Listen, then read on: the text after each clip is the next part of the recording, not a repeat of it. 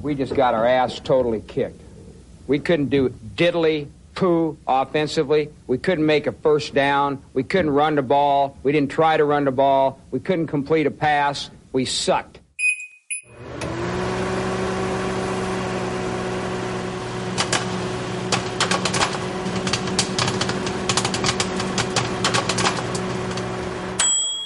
This is Graham Gano from the Carolina Panthers. Du lytter NFL Show Showet. Det er nemlig øh, fuldstændig rigtigt, øh, Graham Gano. Du lutter til NFL Show, der er produceret af Kvartrup Media og optaget live on tape i samarbejde med Tafel og Odset fra Danske Spil.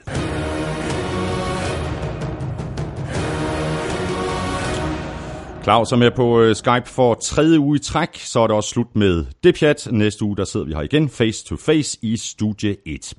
I dag der går vi kampene fra uge 13 igennem. Vi tager et øh, kig på næste runde, og derudover så kan du se frem til ugens spiller for Tafel, Odset-quizzen fra Odset fra Danske Spil, Spilchips fra Elming, Crazy Stats fra Willumsen, quiz fra Armstrong og så selvfølgelig Fantasy med Korsmed. Du finder os de sædvanlige steder, det er i øh, iTunes, Google Podcast og alle de andre apps til Android-telefoner, plus SoundCloud, Stitcher, Spotify, NFLSod.dk og GoogleClude.dk. Hvis du øh, synes om det, vi laver, så skal du tage og støtte os med et øh, valgfrit beløb på tier.dk eller via det link, der ligger på nflsod.dk. Det er der nu 145 andre, der gør, og tusind tak til jer. Og også stor tak til alle, der har skrevet en anmeldelse i iTunes. Jeg hedder Thomas Kvartrup, og her kommer min medvært. Ny sang, Claus Helming. Du er med direkte fra USA.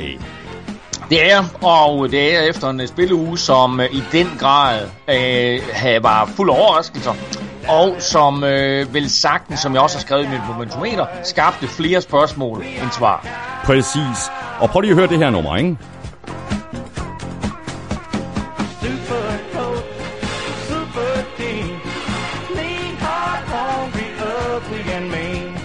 Get down, get down, get down, y'all. Dallas Cowboys. Cowboy football. Det var da i hvert fald en af de, øh, en af de større overraskelser.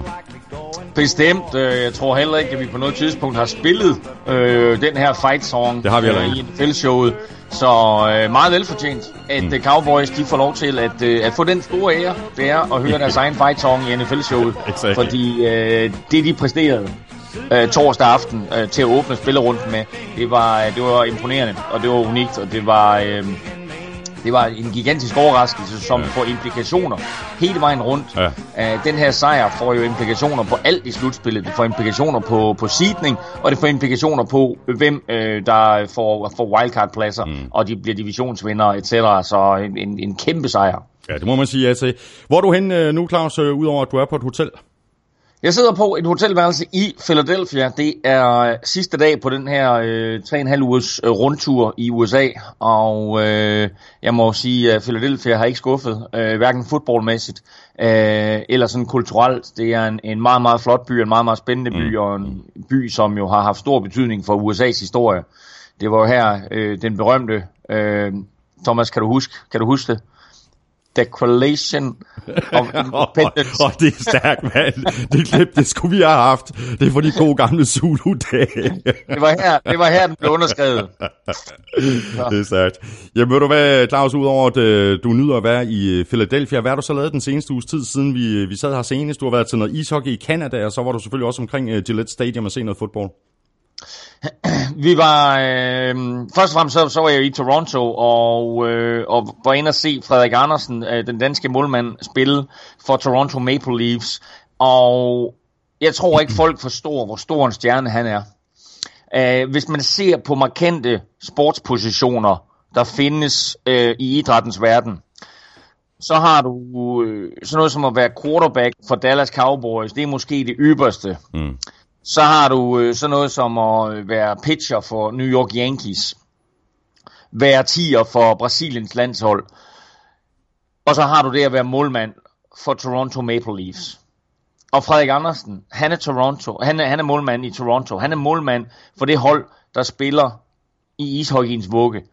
Det er imponerende, så stor en stjerne han er. mm. Og han er stadigvæk den her dejlige herningdreng, helt ned på jorden. Tog sig tid til at mødes med os øh, efter kampen stod og hyggesnakkede øh, og så videre. Øh, vandt heldigvis kampen, blev kåret til, øh, til en af kampens stjerner, øh, selvom han lukkede tre mål ind, men han har ikke rigtig noget forsvar foran sig, mm. og redde altså ud over de der tre mål, så øh, tror jeg, han redde en 35 skudagtigt et eller andet. Vanvittigt. Så øh, han, øh, han blev øh, inden kampen, der blev de, de fem øh, markspillere på i første kæden nævnt, og så kom der så med nummer 31, eller with, playing with number 31, goalie, Frederick, and from Herning, Denmark, Frederick Anderson. Stærkt. Så ja, det var super fedt. så tog jeg videre og mødtes med øh, gruppe 2 her på, øh, på øh, vores NFL-rejser.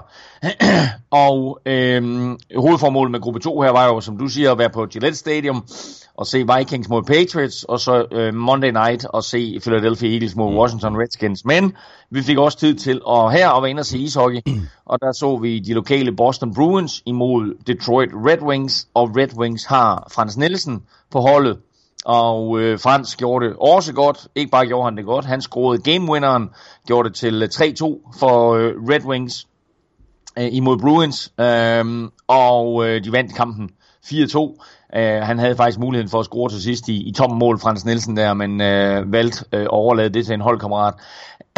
uh, og igen tager Frans sig tid til lige at komme ud og sige hej til de her øh, 20 mennesker, som øh, havde valgt at tage med ud i ishockeyhallen og se hockey. Uh, de havde lige 5 minutter, inden de skulle afsted. Så jeg vil bare lige kæmpe shout-out til to danske superstjerner, som øh, bor og spiller her i USA, skråstrej Canada, mm. at øh, de stadigvæk er helt nede på jorden, og øh, har lyst og tid til lige at komme ud og sige hej. Det, øh, det viser bare stor klasse. Ja, stor klasse. Det lyder rigtig, rigtig øh, fedt øh, derovre, Claus, øh, det hele. Er der slet ikke noget, du savner øh, herhjemmefra? Jeg kan mærke, at der kommer et overlæg nu, og jeg vil sige det på en måde, jeg vil sige det på en måde at efter tre uger herover, der har jeg behov for en linsechips-kur. Lidt chipskurven, ved du hvad, det kan du ikke, ved du hvad, jo, ved du hvad, så spiser jeg alt det andet, ikke? Fordi her har vi øh, Super Snacks øh, Holiday, og jeg har faktisk gemt en enkelt pose øh, chili cheese wings til dig, til når du er Lækkert. tilbage i, øh, i næste uge. Det er jo næsten en lille tidlig julegave. Ja, det er det. Move the sticks, og har vi Conados Real Cheddar. Og så er det den her, som jeg har besluttet mig for at åbne i dag. Fordi Sådan. man, man skal bare ikke øh, kimse af chili banæs. Så du har tænkt dig, at jeg sidder her i USA, og så åbner du en chili banase. Det har jeg lige præcis tænkt mig. Svine.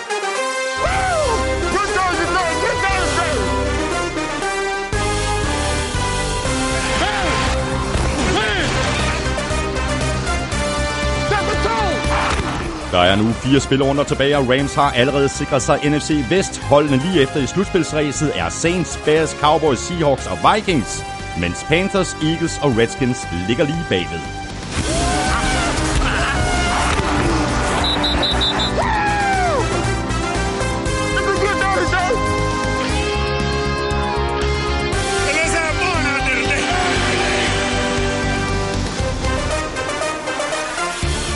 Chiefs har lige nu første seed i AFC, efterfulgt af Patriots, Texans, Steelers, Chargers og Ravens. Der er flere andre hold, der presser på, anført af Dolphins, Colts, Broncos og Titans. Jeg hedder Thomas Kvartrup, og med mig fra USA har jeg Claus Elming. Give me one now, folks. Give me one, give me one. Woo! I dag der gør vi det kort, ikke Claus? Skal vi, skal vi aftale det? Ja, vi aftaler, at vi gør det kort i Okay. dag. Det Lad os være ambitiøse og så sige under tre timer. Under tre timer, så den kan ikke gå galt. Jeps, øh, Claus, så er vi i gang, øh, og det kan man også sige, at de er i Green Bay. Øh, de er i gang med at ryste posen, øh, fordi efter Packers nederlag til Cardinals, så blev head coach Mike McCarthy smidt på porten. Og det var nok ikke, altså det var nok ikke verdens allerstørste chok med al den rummel, der har været omkring McCarthy. Ikke bare i år, men i de seneste sæsoner.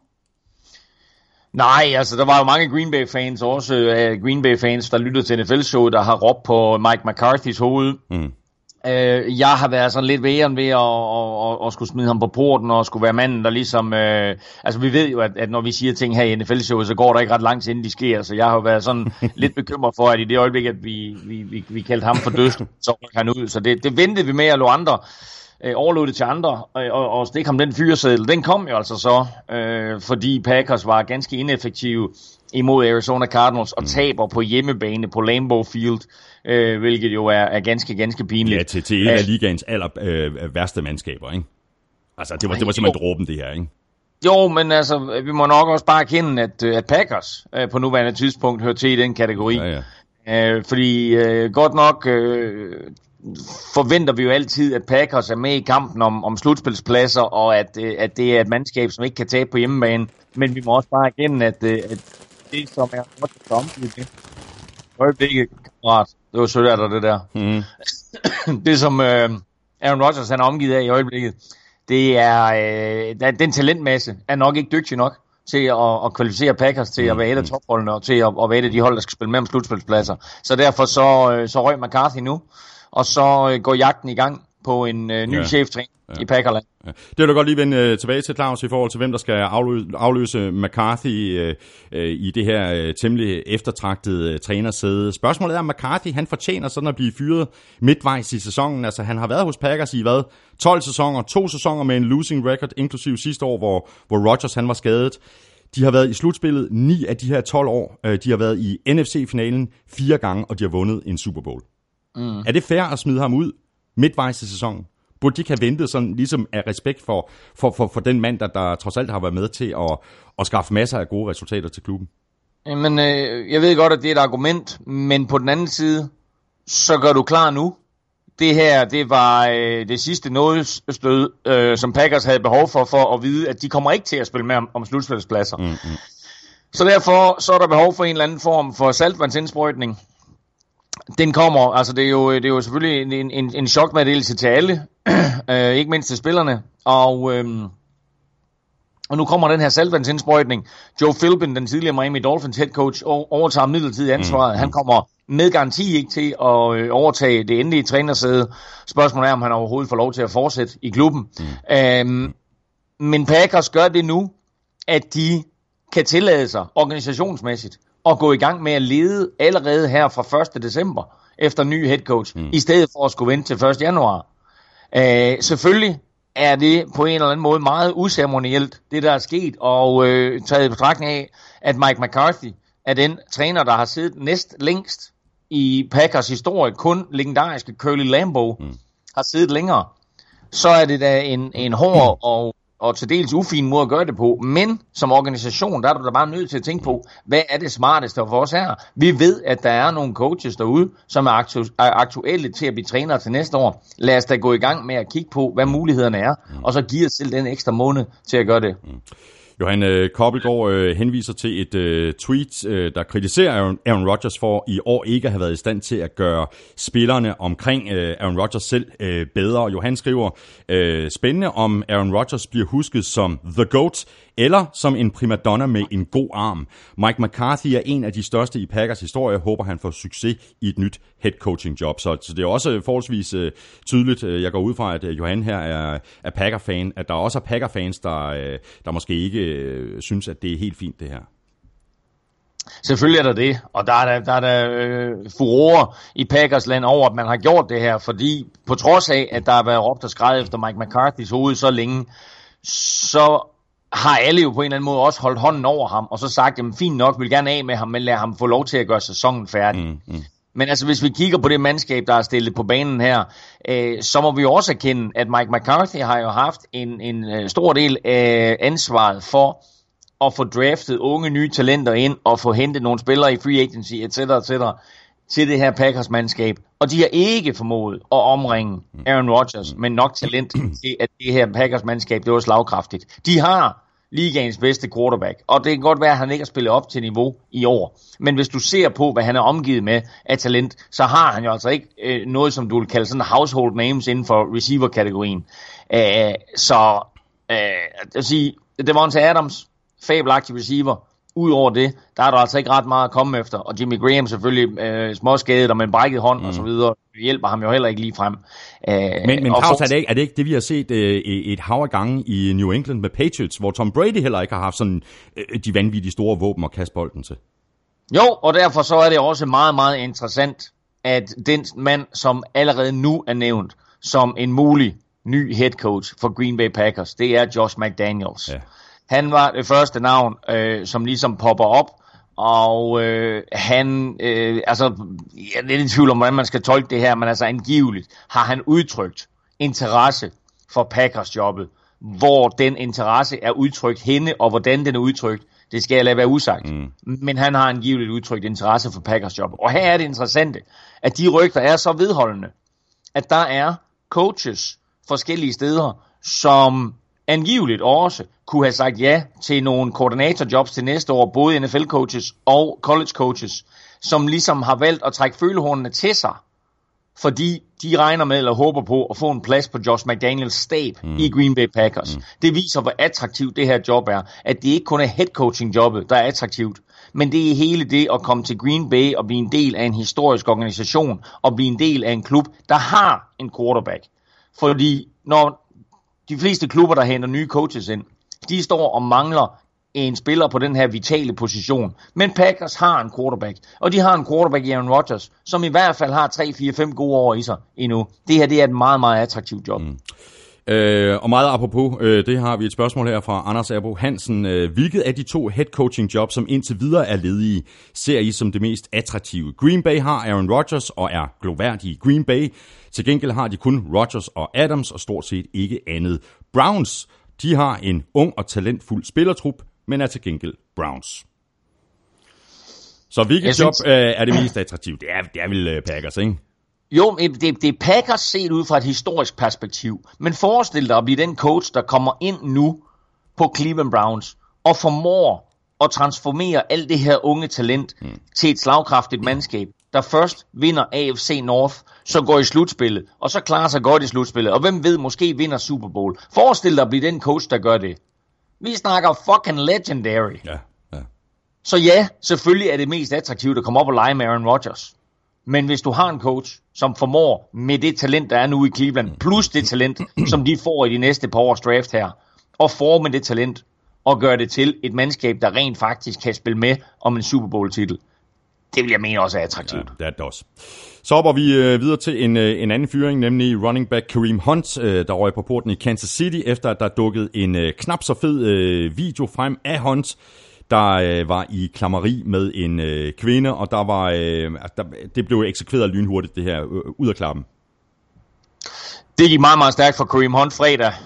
Um, jeg, øh, jeg fløj fra Toronto til, øh, til Boston fredag, og sad i lufthavnen og ventede på, øh, på, på gruppe 2 her skulle komme over.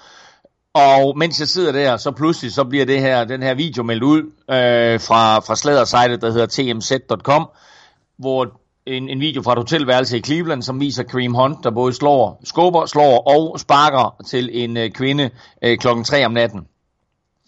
Øh, Kareem Hunt bliver bortvist fra træning. Derefter ryger han på øh, den her observationsliste, som NFL har, som øh, faktisk betyder, at når man er på den her observationsliste, det hedder The Commissioners Exempt List, mm. men den her observationsliste betyder, at så må du ikke øh, hverken træne eller spille med, øh, men du opretholder din løn. Øh, og få timer efter, at han er kommet på den, der bliver han fyret fra Chiefs. Mm. Så det gik vanvittigt stærkt fredag for, for Kareem Hunt. Og øh, Chiefs reagerede vanvittigt stærkt og meget, meget prompte øh, på den her video. Nu står Kareem Hunt så uden job. Uh, alle klubber havde mulighed for 72 timer senere at lægge billet ind på at få Kareem Hunt. Men det han, var er, der, ja, han er passeret igennem waiver nu. Der er ingen, der har det, samlet det, det var der ikke nogen, der gjorde. Så Kareem Hunt er nu officielt arbejdsløs. Mm. Hvad, hvad, er, hvad er konsekvensen, sådan som du ser det, Claus, øh, for, for Hunt på den, på den lange bane, og hvad er konsekvensen på den korte bane, altså i år, øh, her i sæsonen for Chiefs, der nu skal spille resten af sæsonen uden, uden Hunt? Jamen altså, jeg tror at alle er bekymret for, hvad der sker med det her uh, Chiefs-mandskab, og øh, det interessante det er jo også, at alle håber jo på, og undskyld alle Patriots-fans derude, men alle håber jo på, at der er et mandskab, som kan hamle op med New England Patriots, og vi kan få et andet AFC-mesterskab mm. i Super Bowl mm. end Kansas City Chiefs. Så der er jo en eller anden forhåbning om, eller lad os sige, der er en eller anden frygt for, at Kansas City Chiefs, de falder sammen. Men den blev gjort til skamme i weekenden med, med Patrick Mahomes' præstation, og med resten af Chiefs-mandskabets præstation. Det vender vi tilbage til, men, men de var jo rent faktisk bedre, rent statistisk, øh, uden Kareem Hunt, end de var med. Mm, mm. Øh, så, så lige i første omgang, der er der ingen grund til bekymring. Men de spillere, som Chiefs har på running back-positionen, er ikke talentmæssigt på niveau med Kareem Hunt. Så på den måde, der er det selvfølgelig et, et skridt tilbage. Øh, det var den korte øh, på kort sigt, på lang sigt. Øh, for Chiefs, de har taget beslutningen, det er klart, at, at de skal ud og finde øh, en ny running back med, med, med, med talent, eller Kareem Hunt. Øh, om det bliver free agency, eller det bliver i, øh, i draften, øh, det må vi se til næste år. Mm. For Kareem Hunt, der er han forløbig ude resten af i år. Og øh, så finder vi ud af i løbet af foråret, øh, hvor mange dages karantæne han får, og hvordan den her undersøgelse, som NFL har iværksat, hvordan den falder ud. Og tænk på nu, at vi går ind i december måned. Det er vigtigt for NFL nu. Det er kampen om slutspilspladser. Det er historien om, hvem der kommer i slutspillet, hvem der kommer øh, i Super Bowl, hvem der til sidst står som mester. Det er det, NFL de PR-mæssigt fokuserer på lige nu. De fokuserer ikke PR-mæssigt på, at Ruben Foster er en ballademager, som er blevet signet af Redskins, den skal tyses ned. Mm. De fokuserer heller ikke på, at Kareem Hunt er en ballademager, som nu er fyret af Chiefs. Den skal også tyses ned. Så hvad der sker med de her drenge her, det bliver stille og roligt tyset ned, og så kommer det frem på et eller andet tidspunkt i foråret, hvor der ikke er andre nyheder. Så det kunne være sådan, jeg tror faktisk først, at det bliver efter draften, for jeg tror gerne, de vil have fokus på hele, hele foråret på de nye unge talenter, der kommer ind, og så har vi draften. Og så sådan en gang i maj, jamen så kommer der så en eller anden form for, for afgørelse på, hvad, hvad der skal ske med Ruben Foster og med Kareem Hunt. Og så må vi se, hvad, hvordan øh, de andre klubber reagerer. Fordi jeg tror også, at selvom Kareem Hunt øh, passeret øh, det her waiver wire, og der ikke var nogen af klubberne, øh, som lagde billet ind på ham, så tror jeg, at der sidder 31 sportsdirektører derude, som siger, ham mm-hmm. vil jeg ja. fandme gerne have fat i. Ja. Men det er virkelig dårlig PR for vores klub at hente ham. Præcis. Især, så de sidder... især med den film, der er. Ikke? Altså, hvis, hvis der nu ikke havde været levende billeder, så, så var det én ting. Altså, der var for eksempel ikke noget på Ruben Foster, ikke, som, du, som du nævner nu i, mm-hmm. i, i, i samme moment. Men det er der altså på Kareem Hunt. Og den er bare svært at tale sig ud, udenom, ikke? Jo, jo, og Kareem Hunt har jo faktisk øh, bedt om øh, at komme til ord øh, til ESPN, og ESPN kørte et stort interview med øh, Kareem Hunt øh, søndag morgen. Deres reporter Lisa Salters øh, fik et eksklusivt møde med Kareem Hunt, hvor han sad med... Øh, med hundeøjne og beklagede situationen og fortalte, at det var ikke sådan en type spiller, han var. Og øh, det er klart, at, at han øh, er nødt til selvfølgelig at lægge afstand øh, til det her, hvis han skal have en chance for at komme tilbage i NFL. Vi så, hvad der skete med Ray Rice. Øh, alle sagde, at han skal nok komme tilbage, men Ray Rice kommer aldrig tilbage. Kareem Hunt han er 23, så jeg tror, at han naturligvis nok skal få en chance igen. Mm. Der er et hold, der forbarmer sig over ham øh, og siger, jamen vi kan føre den her unge mand på rette vej. Øh, det er i hvert fald den officielle udmelding. Øh, den ikke så officielle udmelding er, ham der, ham skal vi bare have ind på vores mandskab, han er skidegod, og så må vi tage... Øh, den dårlige PR. Den dårlige PR, der nu kommer med der. Han kan også melde sig på banen som, øh, som uh, ny kicker. Nå, det var en dårlig joke. Øhm, det er bare... joke. Meget upassende. Too soon! Too soon, Thomas! Too soon, too soon. Nå, øh, Claus, det bliver spændende at se, hvem der signer Hunt, og, og hvornår. Øh, vi kan så i øvrigt minde mig om, øh, at, øh, at der er odds inde på oddset øh, fra Danske Spil. Ikke på Kareem Hunt, men på, øh, hvor øh, Livian Bell han kommer til at, at, at, at spille øh, næste år. Jeg ved ikke, om du har oddsene, for ellers har jeg dem. Jo, jeg har dem, men øh, det interessante det er jo, at øh, de her odds, de er lavet før den her øh, ting med Cream Hunt øh, kom, kom frem, så øh, derfor så er Kansas City Chiefs faktisk ikke med på listen. Jeg kunne godt tænke mig at vide, hvad Kansas City Chiefs de vil give, fordi øh, det kunne også være en ja. interessant øh, endestation for, for øh, Le'Veon Bell. Men altså, øh, Jets er, er urensagelige årsager store favoritter til at, til at tilknytte Le'Veon Bell. De giver kun odds 4 mens der i den anden ende er odds 25 på, at det bliver Patriots. Øhm, jeg øh, kigger sådan lidt ned over listen, og så ser jeg et Philadelphia Eagles-mandskab, der giver odds 10, øh, og det kunne jeg godt forestille mig mm, var en, mm. en, en mulig endestation for ham. Lad os så bare lige uh, runde nogle uh, skader, dem er der, der, der er alt for, for mange af. Vi kommer ikke omkring dem alle sammen, men vi kan i hvert fald lige lægge ud med, med Broncos cornerback uh, Chris Harris Jr. Han brækkede benet mod Bengals han er ude i øh, mindst en måned. Sådan som jeg har forstået det, så er der tale om et mindre bud, brud, hvilket betyder, at øh, Harris måske kan være klar, hvis Broncos øh, de, øh, de kvalificerer sig til slutspillet. Og det er jo også øh, det, de selv håber på, og selvfølgelig det Chris Harris han håber på. Det her det er en kæmpe, kæmpe skade, fordi Chris Harris bare er så god, som han er. Og det der er med sådan en spiller som Chris Harris, altså vi nævnte ham jo på gang i, i sidste uge i NFL-showet, men det var mere fordi, øh, øh, der var en anden Harris, som havde gjort det godt, nemlig Shelby Harris. Mm. Øh, og så forvirrer du, forvirrer mig med de her Harris. Ah, men anyway. det er stærkt. Um, det er min skyld. Chris Harris øh, er jo ikke en spiller, som man taler om ret meget, fordi han er så frygtelig, frygtelig god på cornerback, at der ikke er ret meget fokus på ham. Der bliver ikke kastet ret mange bolde i hans retning. Øh, fordi modstanderne, alle NFL øh, offensive coordinators, de ved godt, vi skal holde os væk fra hans side. Mm. Øh, så faktisk, så nu ved, når du taler de bedste cornerbacks i NFL, så er du nødt til at nævne Chris Harris. Og derfor så er det her også et stort slag for Denver Broncos at de mister ham, fordi han er så markant en spiller for det her mandskab, og fordi han spiller så vital en position på forsvaret i det her øh, kast til glæde NFL. Æh, øh, så nu her, hvor, øh, hvor Broncos har masser af momentum, har vundet tre af de sidste fire, eller har vundet tre, øh, tre træk, jo har de vundet, øh, der er, der er det her, det er et, et, øh, et dumt slag at skulle indkassere, øh, og jeg håber, at de har øh, dybden i, i, i talentmassen til, at, det sådan, at de kan erstatte ham her de næste kampe, uden at det får alt for stor betydning. Mm. En anden skade fra, fra samme øh, kamp, øh, AJ Green, han gjorde jo øh, comeback netop mod Broncos, efter at han havde misset øh, tre kampe med en, en toskede, øh, og den skade forværrede han så øh, under kampen øh, non-contact, øh, og nu skal han så operere, så han er ude øh, resten af sæsonen. Men det er der jo bare til, til Bengals sæson, som, som ikke ligefrem er, er gået, som de havde forventet. Ja, yeah, som jeg skrev på mit momentometer, det er ikke, altså Bengals de øh, styrtdykker på mit momentometer, og de var altså 4-1, ikke? Jo. Og øh, så har de vel nærmest tabt alt siden.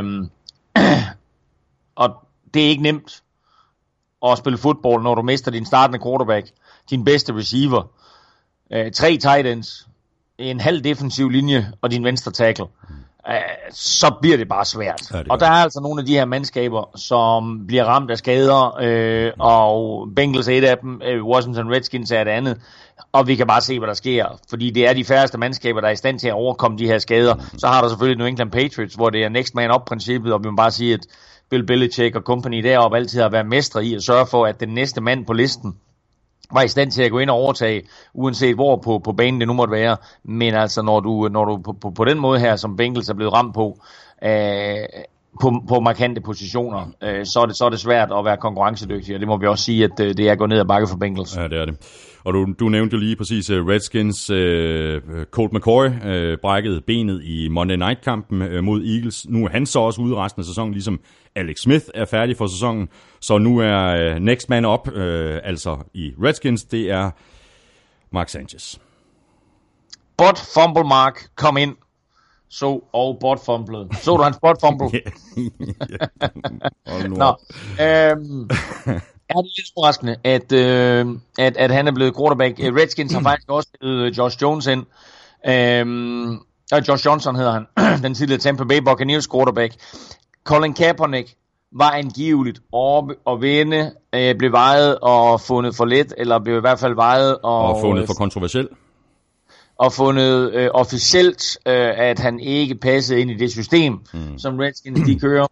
Øhm, jeg tror, den anden fortælling er, at der var sikkert nogle coaches, som godt kunne tænke sig at tilknytte Colin Kaepernick, men der er en ejer, der hedder Dan Snyder, øh, og Dan Snyder øh, og Colin Kaepernick vil ikke passe godt sammen. Mm. Så øh, det var ikke aktuelt, at øh, Colin Kaepernick i den her omgang fik en kontrakt, og derfor så har de i stedet for skrevet kontrakt med Josh Johnson. Mm. Og så øh, guard Jonathan Cooper, han har også spillet sin sidste kamp i år, da han har reddet sin øh, biceps øh, muskel over i sin, sin ene øh, arm. Og Cardinals, øh, de har sat øh, to spillere på injured reserve, rookie receiver Christian Kirk og øh, guard, uh, guard uh, Mike Upardi. Det er rigtig ærgerligt med Christian Kirk, der har haft en, en, en god uh, rookie-sæson på, på receiverpladsen. Ja, bestemt. Også fordi altså, han og Josh Rosen jo øh, bliver, bliver en duo i årene fremover, og, og jo mere spilletid de kan få sammen, jo bedre. Så det er klart, at, at det er super ærgerligt for, for ham, at han ryger ud her. Der er aldrig, der er aldrig sjovt at ryge ud jo. Men, øh, men lige, lige nøjagtigt Christian Kirk tror jeg også var vigtig for, for Josh Rosens øh, udvikling. Og så har vi en skade, der heldigvis ikke er helt lige så slem som Steelers. De frygtede indledningsvis. Uh, James Conner, running backen, kommer sandsynligvis ikke til at sidde ude i længere tid, uh, da den skade, som han pådrog sig mod uh, Chargers, uh, har vist sig blot at være et, et hårdt slag uh, på benet, og altså ikke uh, den ankelforstuning, som, som man i første omgang frygtede. Ej, det er vigtigt. øhm, altså, Steelers har vist, at, at de kunne undvære Levan Bell, men spørgsmålet er, om de kan undvære James Conner. Og øh, det her, det var, øh, det var øh, lidt et chok for alle Steelers-fans, at, øh, at øh, James Conner han bliver skadet i kampen her mod Chargers, og heldigvis er meldingen til efterfølgende, at det ikke ser ud til at være så slemt som først antaget. Øh, nu ser det ud til, at han misser kampen i weekenden mod Raiders, men han er faktisk ikke meldt endeligt ude. Nej. Så lad os se, hvad der sker her i løbet af de næste par dage op til weekenden. Så har vi Ravens quarterback øh, Joe Flacco. Han har siddet ude de seneste tre kampe med en øh, hofteskade. Han er så, øh, så småt begyndt at træne med igen. Så spørgsmålet er, hvad John Harbaugh han beslutter sig for, når Flacco bliver helt klar. Er der noget quarterback controversy upcoming her i, øh, i Baltimore? Det er der da 100%, fordi øh, du har en ung spiller inde, der hedder Lamar Jackson, som har vundet tre kampe i træk, og har givet noget energi og noget drive til det her angreb. Har fået spillerne omkring sig med på den her vogn. Og så øh, har det været nemt for trænerne at lade ham fortsætte med at spille, fordi Joe Flacco jo var skadet og jo skulle have tid til at komme sig. Men nu her, hvor Joe Flacco han så er kommet sig, så er beslutningen pludselig ikke så nem for trænerne. Nej. Fordi det naturlige vil være, eller lad os sige, det normale vil være, at give jobbet tilbage til Flacco. Man mister ikke sit job, når man er skadet, men det naturlige her vil være at lade, lade Lamar Jackson fortsætte. Fordi Lamar Jackson har taget det her Baltimore-mandskab, som er så talentfuld på forsvarssiden. Det har han taget og rent faktisk også gjort øh, kapabel på angrebssiden, i modsætning til, hvad Joe Flacco han præsterede. Mm. Så her der har vi en ung knæk, der kommer ind og fuldstændig giver nyt liv og nyt håb til den her organisation. Så jeg håber, at John Harbaugh, han har coronas nok til at lade Lamar Jackson fortsætte, for jeg tror, det vil være en fejl at sætte ja, Joe Flacco. Ja, ja, tror jeg også. Så har vi lige et par øh, spørgsmål her til øh, en af ligaens absolut bedste spillere, hvis ikke den bedste, nemlig Aaron Donalds. Øh, Morten Wienholdt, han skriver sådan her, Aaron Donalds havde to sacks i weekenden og er nu oppe på 16,5 sack for sæsonen. Han fører ligaen i sacks, men hvor godt er det egentlig, hvis vi ser på NFL-historien, altså hvem har flest sacks på en sæson? Jamen, øh, han er rigtig, rigtig godt kørende. Altså, hvis han holder den nuværende statistik, så når han op på 22, og øh, rekorden er 22,5, mm. sætter Michael Strahan. øhm, så han kunne godt gå hen og, og nappe den rekord. Og det, der er imponerende ved det, det er, at Aaron Donald jo spiller på den indvendige øh, defensive linje, hvor alle de andre som har været øh, gode til at rushe quarterbacken, og som figurerer øverst på øh, øh, de her sacklister igennem tiderne, de har alle sammen været defensive ends eller outside linebackers. Mm. så derfor så er det, han præsterer i øjeblikket, Aaron Donald, det er helt, helt unikt. Øh, han er en unik spiller, øh, Aaron Donald. Øh, jeg kan ikke mindes at have set en indvendig lineman, der er så dominerende, som han er. Der har været mange igennem tiderne, og der er mange, som jeg er stor fans af, og der har været øh, masser af spillere, både for, for Vikings og andre klubber, som jeg har fulgt tæt. Jeg kan ikke mindes at have set en spiller som Aaron Donald på den, på den indvendige mm, defensive mm. line dominere på den måde, som han gør, og skabe så mange sacks, som han gør, og øh, også lave så mange taklinger i, i backfielden på running back, som han gør. Øh, så, så det, han har gang i her, er faktisk historisk set øh, helt op blandt de aller, allerbedste. Og kommer han op og sætter sackrekorden, så er det et, selvfølgelig fantastisk, at han slår den, og to, helt vildt, at det sker fra en position som, som defensive tackle og ikke defensive end. Mm. Anders Petersen øh, følger op her. Øh, Aaron Donald har gang i en helt igennem fenomenal fænomenal sæson, men det virker stadig ikke realistisk, at han kommer rigtig tæt på MVP-titlen. Skal MVP-koringen genovervejes eventuelt med en ny defensiv MVP-titel, eller skal vi bare acceptere, at generationstalenter som Donald må nøjes med Defensive Player of the Year-titlen? Ja, jeg synes, det er en fantastisk pointe, fordi det kan godt være, at, at NFL er nødt til at gentænke det hele. Det er jo ikke, det, det, altså, historisk set er der kun én MVP, men historisk set synes jeg også, at der har været nogle fejlvalg. Og historisk set, så går den her til en quarterback. Det er jo så sjældent, at det ikke er en quarterback, der får den. Mm. Der har selvfølgelig været nogle running backs øh, hister her, og øh, der har også været nogle forsvarsspillere, og så lige en enkelt kicker. Men at Aaron Donald ikke er i spil sådan helt officielt til at blive MVP, det fatter man jo ikke. Nej, det gør man bare ikke. Altså, der er et par enkelte angrebsspillere, som dominerer øh, en Patrick Mahomes, for eksempel en Drew Brees ind til kollapse mod Cowboys, et par andre. Øh, I øvrigt vil jeg igen lige slå et slag for vores øh, fremragende ugenlige øh, artikel, der hedder MVP Thermometer, hvor vi jo kigger på alle de spillere, som øh, er, er varme i forhold til at blive MVP's, og så vurderer vi mm. dem øh, fra, fra alt lige øh, sådan fra, fra burning hot og ned efter. Mm, og det er inde på Google.com. Det er på google.dk, yes. Um, og uh, Aaron Donald uh, er med på listen, selvfølgelig, men han er faktisk kun nummer 4 mm. uh, efter, efter tre quarterbacks. Uh, jeg vil lige sige, det er ikke mig, der har lavet listen, uh, for jeg, jeg, jeg, jeg havde nok haft ham. um, men, um, men det er jo det samme, som NFL står overfor. Det er, at de kigger på de her quarterbacks med de her mange, mange kastestatistikker, mange, mange touchdowns, og, uh, og så er det altid dem, som, som bliver MVP. Men altså lige nu, der vil jeg sige, i min optik, altså Drew Brees er der selvfølgelig på trods af det her kollaps, så er der Patrick Mahomes, og så er der Aaron Donald. Hmm. Og altså, er der nogen, der har domineret mere? Er der nogen, der har været bedre på sin position, og, meget, og langt, langt bedre på sin position end alle andre i ligaen? Så er det Aaron Donald. Ja. Men det er da altså, meget godt, men det er da meget godt forslag fra Anders Petersen, det her simpelthen, øh, hvis vi nu lige kan få, få, få, få det ud i vandrørene, fordi det, det, de, de lytter jo i USA til, til os, øh, så er det da et godt øh, bud, altså simpelthen lave en, en defensiv MVP. Jo, men du kan sige, at den defensive MVP, det er jo Defensive Player of the Year. Den hedder ikke MVP, men det, det er jo den defensive mm. MVP. Det er den, der hedder Defensive Player of the Year, og, og, og det kommer ikke til at blive ændret. Der kommer ikke til at blive jeg synes godt, man kunne lave både en offensiv og en defensiv MVP. Det vil ikke skade nogen som helst. Mm. Kasper Guldhammer øh, spørger, om det stadig er forsvaret, som vinder mesterskaber. Patriots de er rangeret 21 på forsvaret og 7 på angrebet, hvilket jo ikke er særlig prangende, men de er alligevel 9 og 3. Mens for eksempel Jaguars, der er 4 og 8, de er rangeret 3 på forsvaret og 24 på angrebet. Altså tredje bedste forsvar, men kun 4 sejre. Lyver statistikken, eller er det bare Blake Bortles skyld? Nej, øh, statistikken øh, lyver ofte, når det drejer sig om øh, bedste forsvar, fordi bedste forsvar bliver vurderet på, hvor mange yards man har opgivet, og øh, ikke fortæller noget om, hvor mange point man har opgivet. Og Patriots for eksempel spiller jo et forsvar, hvor de godt vil tillade, at man bevæger sig inden for 20-linjen, men når man så kommer derned, så bliver man enten holdt til et field goal, øh, eller kommer derfra uden point.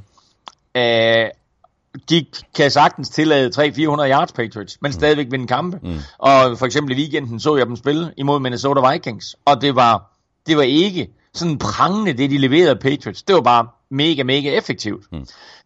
og øhm, kigger du på, øh, på, på, på altså øh, selve spørgsmålet, vinder defense stadigvæk mesterskaber, så må vi jo sige, at øh, det der skete i, i ugens første kamp mellem Dallas Cowboys og New Orleans Saints, viste jo med al tydelighed, at kan du spille forsvar, så kan du også vinde kampe, uanset hvem du står overfor. Uanset at du står over for pointmaskinen og kastemaskinen Drew Brees, mm. kan du spille forsvar, så kan du vinde kampe. Og vi har jo set det i masser af år, at øh, der er gode forsvarshold, der har vundet Super Bowl også. Når det så er sagt, så vil jeg sige, at der er efterhånden sat så mange regler ind, og gjort så mange tiltag til, at det skal blive nemmere at spille angreb, til at quarterbacken skal beskyttes, ja. til at receiveren ikke skal frygte at få et ordentligt skrald ind over midten, etc., etc., øh, til at det bliver vanskeligere og vanskeligere at spille forsvar, ja, ja. og det bliver vanskeligere og vanskeligere at vinde kampe som forsvarsspiller, øh, og forsvar i det hele taget. Dog vil jeg sige, at når vi har de her øh, vilde score og mange point, så er det nok det hold, der laver de fleste forsvarsspil, der kommer til at vinde kampe øh, fremadrettet. Ikke nødvendigvis, at vi får en kamp som det, vi så her med 13-10 til Cowboys over Saints, men måske bare, når vi får et shootout mellem to mandskaber, der ender 43-40, så er det det hold, der laver flest spil på forsvaret, der vinder kampen. Og nu nævner du lige præcis det her med, at, øh, at der kommer alle de her regelændringer. Der er faktisk en, en, øh, måske en, en ny regelændring på vej i forhold til punts. Ja, og præcis hvad det går ud på, det har NFL faktisk ikke meldt noget ud om. Øhm, den eneste, det eneste, de har meldt ud, det er, at, at øh, nu har de kigget på kick-off, og de har gjort reglerne Øhm, de har ændret reglerne der øh, med henblik på at få færre skader. Og så har de kigget på punt, fordi det play, hvor der øh, et opstår flest skader, og den type af play, hvor der opstår flest skader, og hvor der samtidig også er flest flag, det er faktisk punt.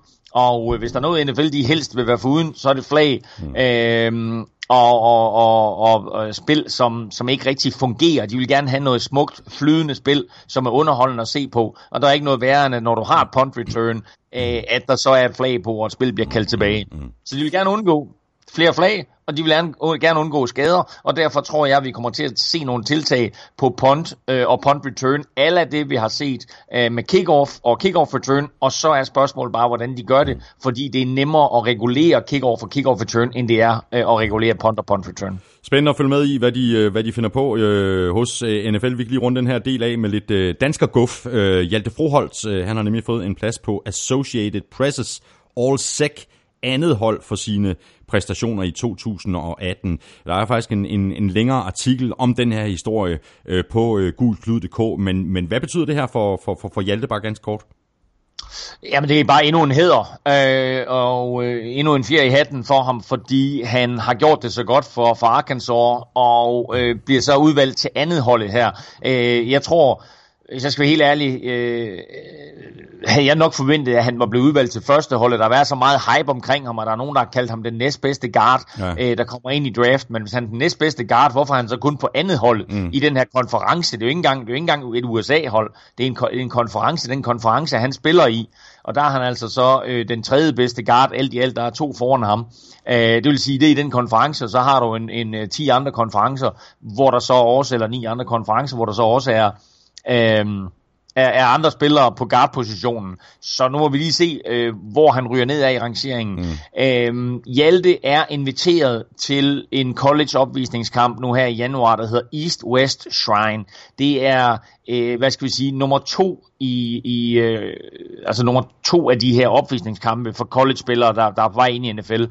Den store det er den, der hedder Senior Bowl, hvor alle øh, fjerdeårsspillere øh, eller femteårsspillere bliver inviteret til at deltage i den her college-kamp. Der kommer invitationer ud i dag, og det vil sige, at vi finder ud af senere i dag, altså efter at folk de har hørt NFL-showet, så finder vi ud af, om Hjalte Froholt har fået en invitation til Senior Bowl. Det vil være super, super vigtigt for ham, tosser, og, og, hans, og hans håb om at komme i NFL, at han får en invitation til, øh, til Senior Bowl.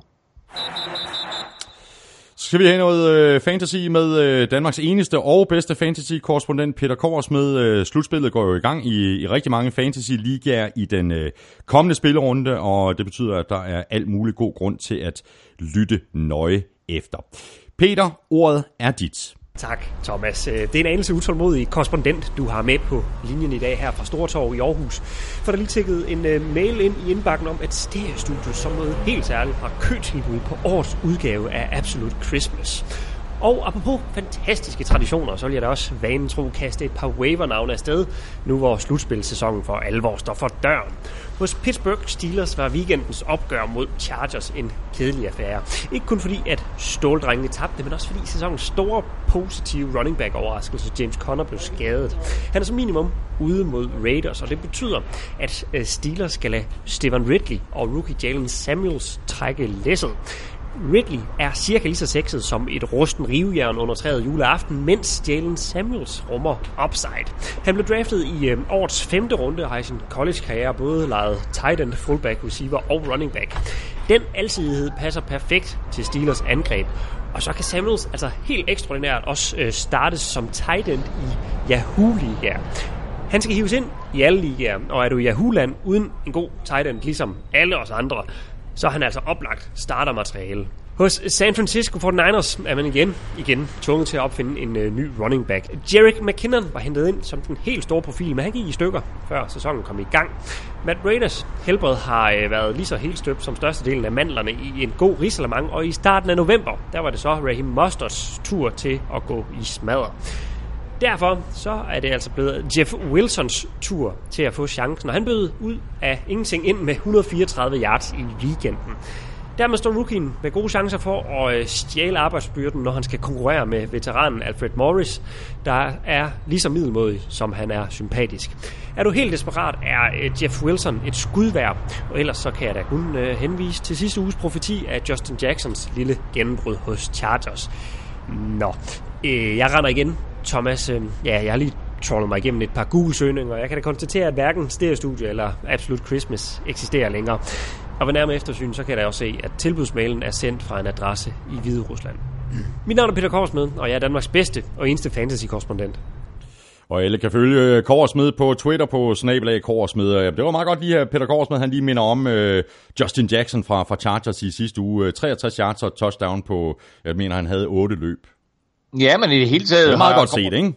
I, i, i det hele taget har Korsmeden jo bare været, været øh, super, super øh, forudseende i mange af de ting, han, øh, ja. mange af de anbefalinger, han er kommet med. Øh, var jo også inde og, øh, og anbefalet en ny running back for Eagles, og der har været flere andre øh, sådan i løbet af sæsonen, hvor han, øh, hvor han har været en lille smule skarpere end så mange andre, så ja. jeg, jeg håber, det går ham godt i hans fantasy-liga. Ja, det, det regner jeg med, at det gør. Nu skal vi quizze. Vi skal have quizzen. Åh. Oh. Det er tid til quiz, quiz, quiz, quiz, quiz. har du noget godt i posen til mig, Elming? Det har jeg da. Det har du vel. Det har jeg da. Um, uh, Brandon Cooks, der nu spiller for Los Angeles Rams, han uh, satte faktisk en lidt unik rekord her i weekenden, fordi han uh, samlet set nåede op på uh, over 1000 yards for Rams uh, receiving, og dermed så har Brandon Cooks faktisk uh, over 1000 yards receiving for tre forskellige klubber, tre år i træk. Oh. Først for Saints, så for Patriots, og så for Rams. Dermed så bliver han den øh, 6. spiller i historien, der har... Han bliver den første, der har det for, øh, tre år i træk for tre forskellige klubber, men han bliver den 6. i historien, der har 1000 yards receiving for tre forskellige klubber. Mm-hmm. Men kun én spiller, kun én spiller igennem historien, har 1000 yards receiving for fire forskellige klubber. Hvem er det? Uh, skal jeg har skrevet et uh, bud ned. Can't do it. Men uh, lige den der for en, uh, for en sikkerheds skyld. uh, ja, okay. Godt. Jamen, du, skal, du skal ikke snydes. Uh, du skal have uh, det quizzen fra Søren Armstrong, uh, som alle også kan følge på Twitter på snablag Doc Armstrong. Han skrev sådan her i går uh, på mailen.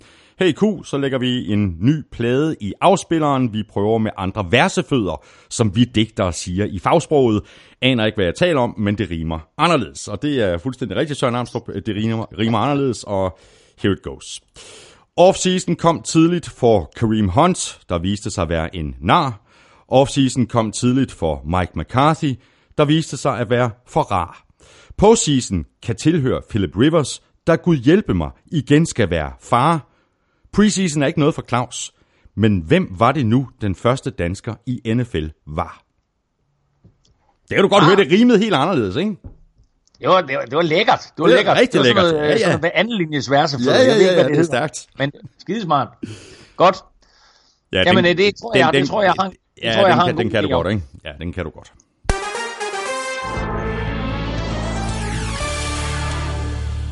Godt, Claus Elming, så åbner vi for kampene. Det gør vi med uh, Thursday Night-kampen, uh, som vi jo allerede har talt en lille bitte smule om, mellem uh, Cowboys og Saints. Uh, den kamp, uh, den forløb mildt sagt noget anderledes, end de fleste havde regnet med.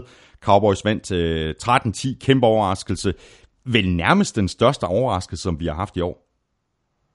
Ja, yeah, det er øh, altså de var kæmpe underdogs. Øh, Saints var selvfølgelig øh, på den her streak med med 10 kampe i træk.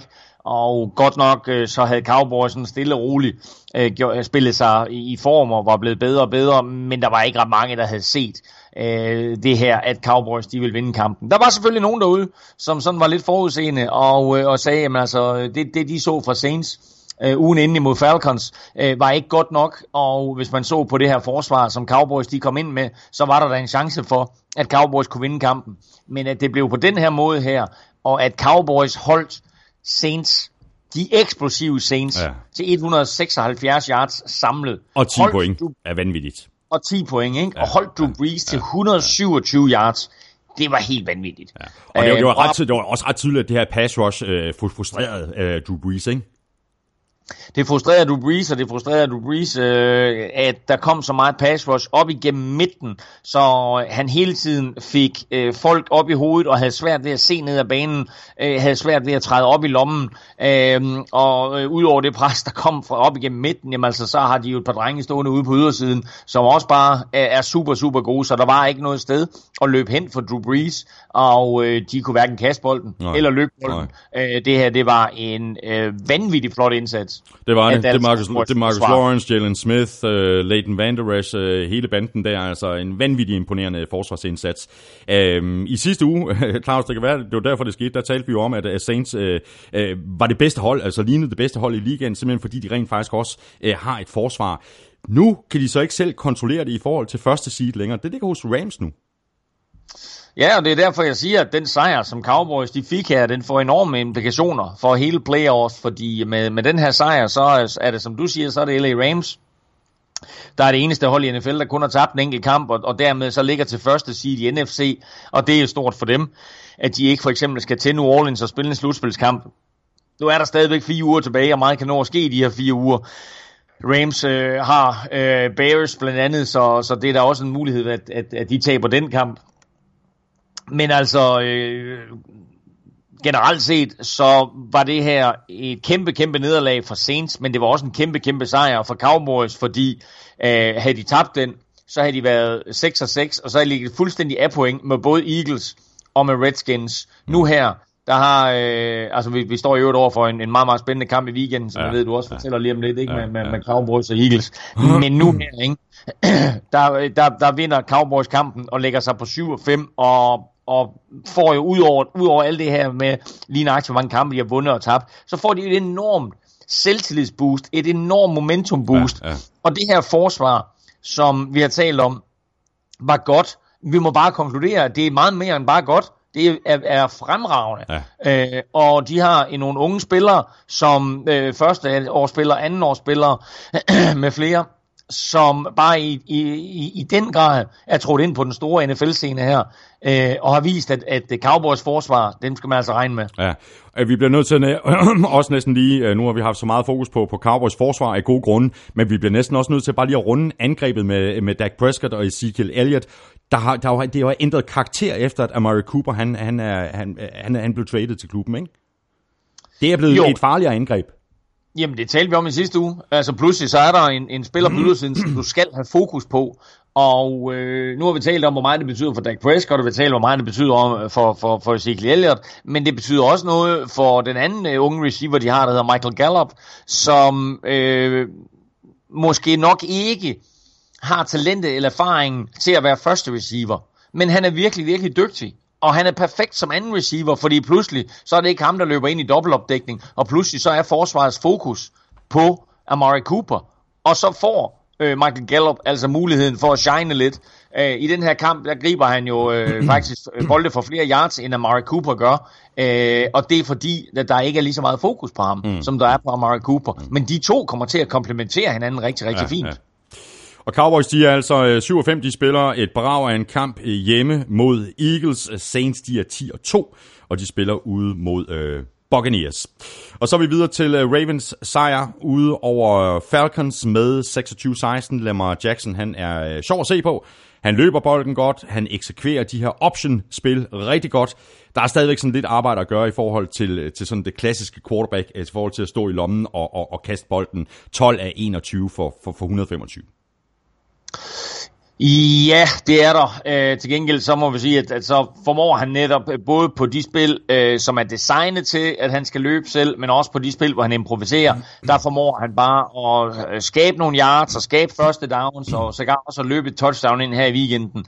Øh, så han er, øh, som jeg sagde i starten, en spiller, som giver Ravens noget energi, og giver dem en helt, helt anden type playmaker, mm. end Joe Flacco er. Mm. Så øh, derfor føler jeg, at de skal blive ved med at holde fast i Lamar Jackson, fordi der er sket noget med det her Ravens-mandskab, ikke kun på, på angrebet, men også på forsvaret, jo, i det hele taget. Mm. Øh, energien og troen på, at de kan vinde kampe, er langt, langt større, føler jeg, mm. øh, med Lamar Jackson ved roret end ja. med Joe Flacco. Ja, det, det har virkelig smidt af, også på forsvaret, som du siger. Altså deres, øh, deres pass rush øh, ligner pludselig sig selv igen. Der bliver også øh, dækket bedre op i secondaryen. De to hey, ting hænger så sammen. Altså jo mere pres du kan lægge på ja. modstanderens quarterback, jo bedre kan din uh, secondary jo, jo, jo sig. Øh, nu venter der så en, en helt anden opgave øh, for, for, for, øh, for Ravens i, i næste weekend ude mod Chiefs.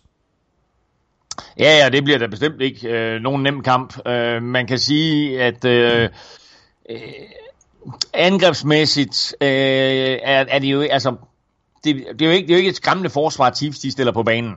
Øh, så på den måde, der får Lamar Jackson sådan forholdsvis nemme vilkår at arbejde med.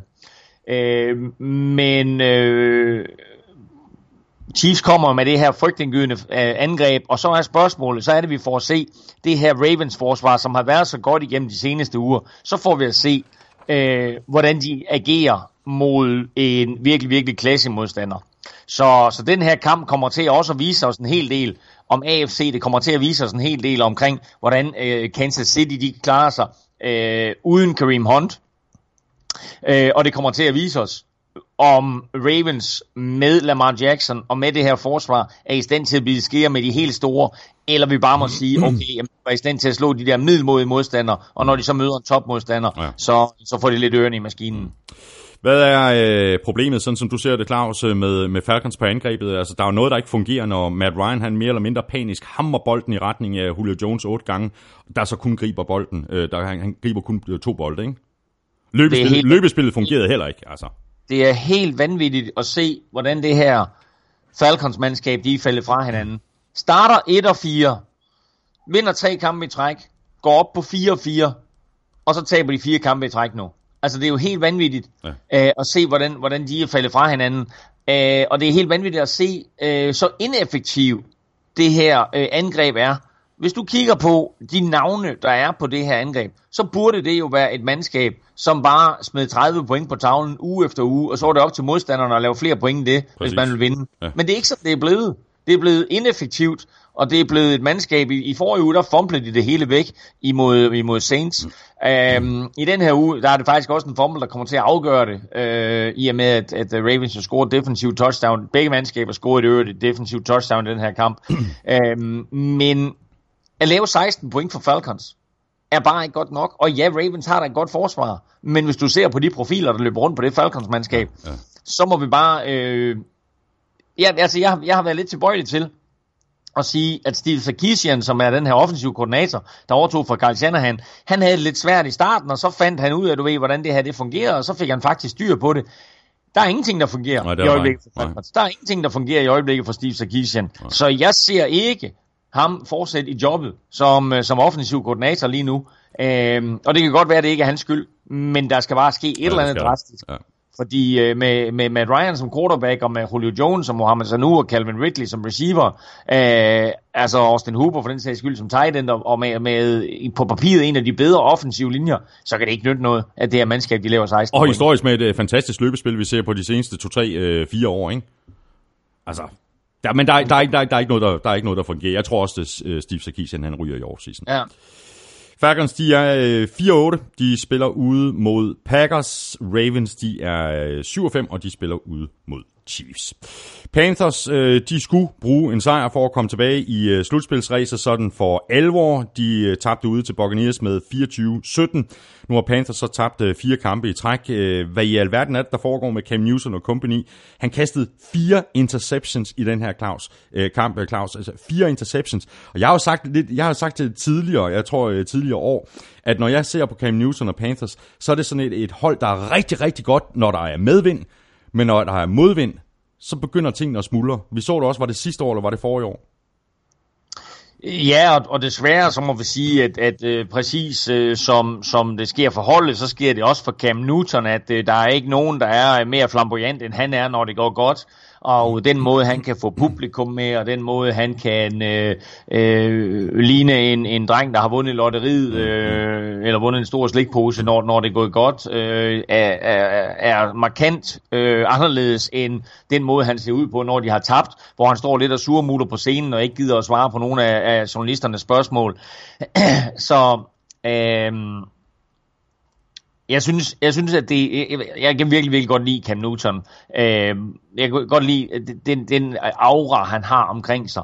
Men han skal finde ud af, synes jeg i min optik, at blive lidt mere ala Aaron Rodgers. At der er ikke sådan de vilde udsving, når han har vundet, og der er ikke de vilde udsving, når han har tabt. Mm. På den anden side, så kan man sige, at det er vel egentlig også det, der gør en vinder. Det er, at du netop, du ved, altså er helt ekstatisk, når du vinder og, og, og øh, pisse ærgerlig og bitter, når du taber. Mm, mm. Øh, men jeg synes Men der er en hårfin, hårfin grænse, ikke? Fordi altså indimellem, jo, der, der, der, der, der jeg synes, den... når jeg har set på Cam, så er jeg sådan der, okay, han er, han er, han er en dårlig taber, men, men han er til gengæld også en dårlig vinder.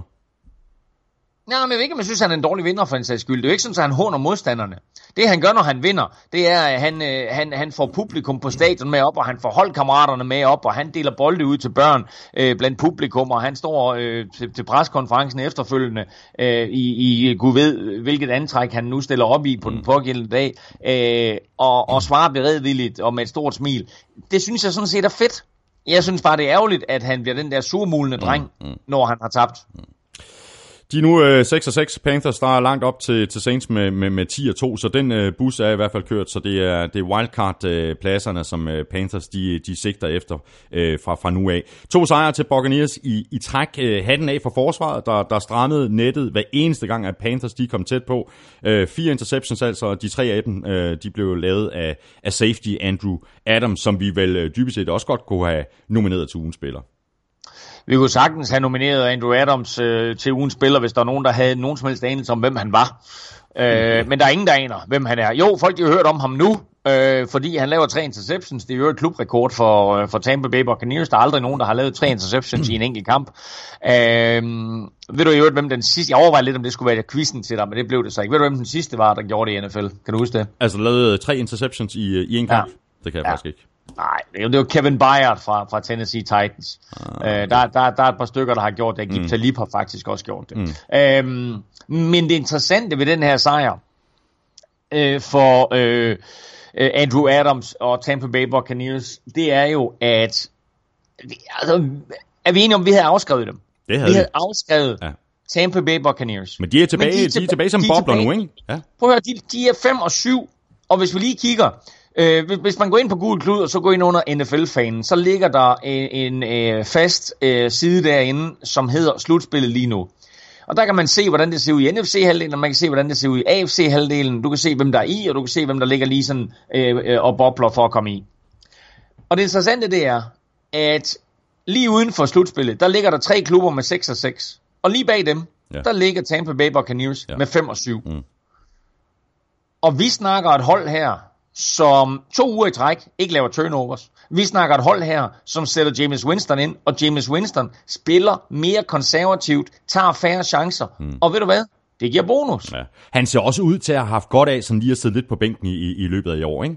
Han spiller bedre nu, end han gjorde tidligere på året. Jamen, det er jo netop fordi, han ikke tager de der vanvittige chancer. Øh, så, så pludselig, så vinder de kampe, og Øh, nu ligger de her, øh, du ved, øh, starten af december, der er fire kampe tilbage. Mm. Altså, vinder de tre, så er de 9 og 7. Vinder de fire, øh, eller vinder de tre, så er de 8. Nu skal jeg lige tænke mig om. Ej, vinder de tre, så er de 8 og 8 selvfølgelig. Ja, ja. Øh, og vinder de alle fire, så er de 9 og 7. Øh, så, så det er det maksimale, de kan på. Men altså, øh, 9 og 7 kunne godt være nok. Så, øh, så kan de vinde de fire der, så er de altså aktuelle til slutspillet. Mm. Men øh, det er en svær opgave øh, nu i den kommende weekend. Øh, altså Buccaneers, som du siger, de er 25, De får øh, besøg af Saints. Øh, Panthers, de er 6 og 6, og de skal til Cleveland og spille mod Browns. Øhm, så videre til Bears, der jo havde øh, alle chancer for at sætte sig definitivt på NFC North. Øh, Giants, de skulle bare lige besejres på udebane. Den gik sig ikke på trods af et øh, vanvittigt øh, comeback øh, i de sidste øh, to minutter af kampen, hvor de efter at have reduceret fik fat i deres eget onside kick, og så kastede Terry Cohn et touchdown med ingen tid tilbage på klokken, så kampen kom i overtid 27-27. I overtiden der var det så øh, Giants, der trak øh, det længste strå og altså vandt øh, kampen med 30-27. Øhm, jeg ved ikke, hvor vi skal begynde øh, den her gennemgang, øh, Claus, men vi, vi kan bare starte med Giants, fordi det var jo en, øh, det var en rigtig god sejr for Giants. Det var en super god sejr for Giants, og hvor, hvor mærkeligt den lyder, så er de jo faktisk ikke ude af slutspillet endnu. De kommer, ja, altså, de kommer ikke i, lad os bare konkludere det. Men øh, det vilde det hele, det er, at de spiller faktisk øh, ganske udmærket fodbold for tiden, Giants. Mm. Og øh, den her sejr øh, tror jeg ikke, de får, hvis Bears har Mitchell Trubisky til rådighed. Men på den anden side, altså, de hiver et par store spil op af posen. Uh, Eli Manning leverer uh, på de tidspunkter, hvor der er behov for det. Saquon Barkley er endnu en gang et monster. Uh, Odell Beckham Jr. Uh, er, har både en god dag på kontoret og en, og en skidt dag på kontoret. Det var ham, der skulle have grebet det her onside kick.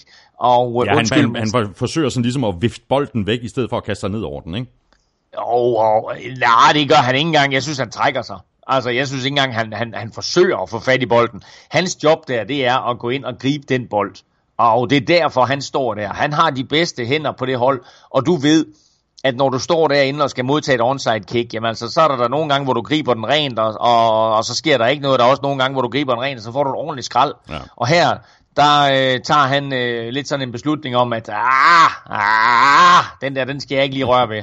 og så får Bears fat i bolden. Ja. Og øh, han er da godt nok ude efterfølgende at sige, Odell Beckham Jr., at øh, der er ikke nogen, der skal stille spørgsmålstegn ved, ved, ved, ved min præstation, eller det, jeg gjorde i situationen. Jeg Nej, spiller min med, måde at spille special teams på, den er bare perfekt. Jeg spiller med stort hjerte og så videre. Mm.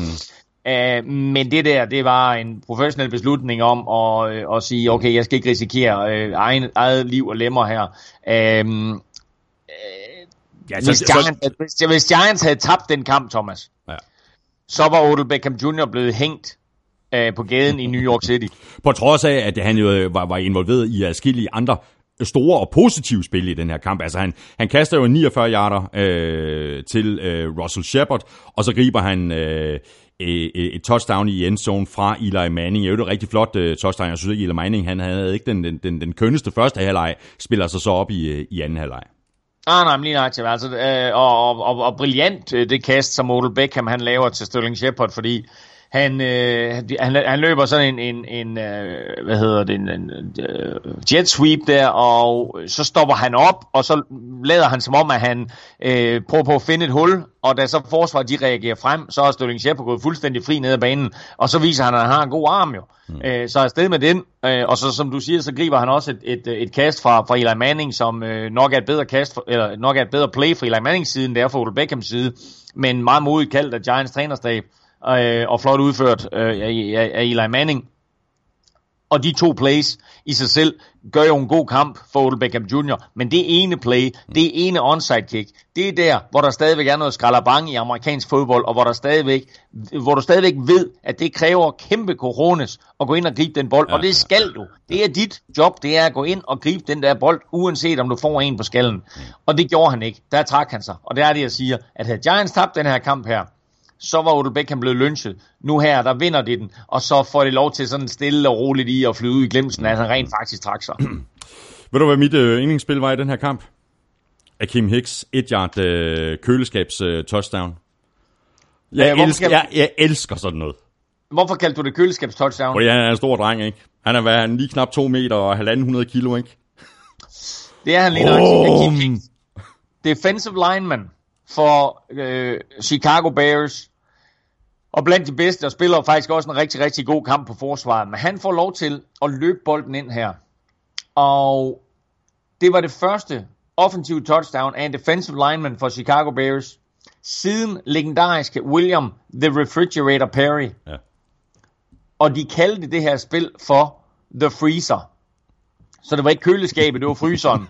Og det var altså... Kumme, fryseren kummefryseren, det var øh, Kim Hæk, som, øh, som fik lov til at, at løbe den der ind fra, fra linjen Så et, et sjovt spil og en lille hyldest til uh, William the Refrigerator Perry. Mm.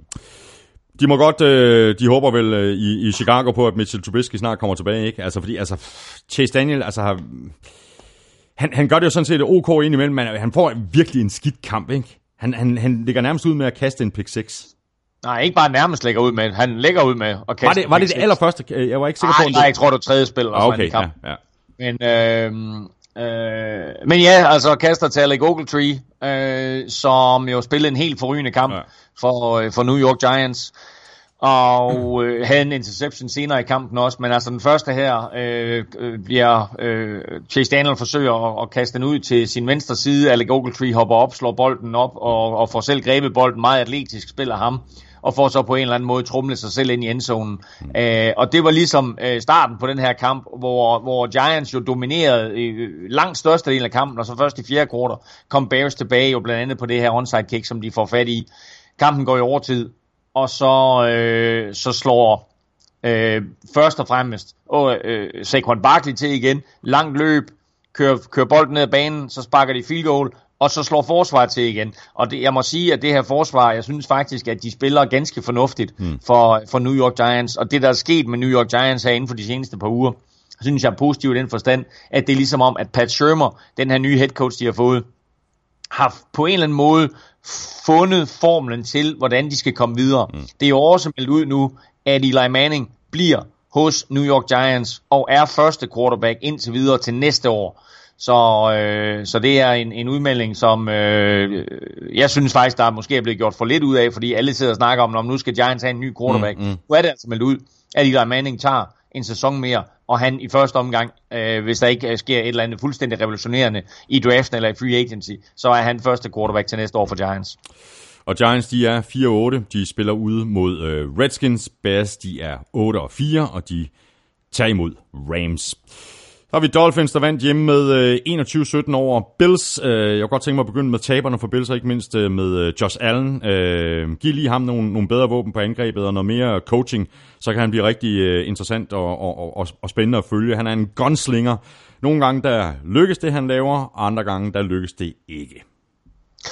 Ja, yeah, og man kan sige, at det, det han er hentet ind til, øh, det er at kaste den dybe bold. Og til allersidst i den her kamp mod Dolphins, der scrambler han lidt, Josh Allen, og så har han en øh, fuldstændig fri mand i endzonen. Og så kaster han den for kort.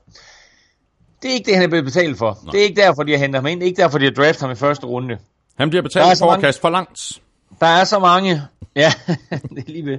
Øhm, jeg synes, der er mange positive ting at sige omkring Josh Allen, fordi jeg synes, at han overrasker positivt. Jeg synes faktisk, at han har gjort det bedre, end, end vi måske havde frygtet på forhånd. Men lige til det kast der, det skal han lave. Det er det, han er hentet ind til. Og så kommer han til at kaste den for kort. Øh, og, øh, og det koster dem jo sejren. Mm. Øh, og det var meget, meget heldigt, fordi i min ugenlige spilartikel øh, inde på Google Klud, øh, der var det, jeg, som jeg kalder Money in the Bank, det var nemlig, at Dolphins ville besejre Buffalo Bills, og det var altså meget, meget tæt på, at det ikke lykkedes. Havde Josh Allen completed det her kast, som han burde have gjort, mm.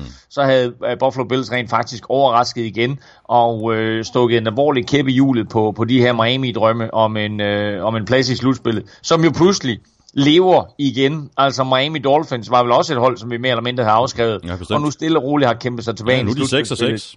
Præcis. Ja, og på trods af, at de først har fået Ryan Tannehill tilbage her øh, inden for de seneste par kampe, øh, altså, så er de stadigvæk med i, i, i jagten på en wildcard-plads øh, i AFC-halvdelen. Øh, de mangler så stadigvæk at spille mod både Patriots og Vikings. De to næste uger har de Patriots og Vikings, og så har de to forholdsvis overkommelige kampe til sidst. Hvem er det, de har? De har Bills igen, tror jeg. Og så Ja, det er vist rigtigt.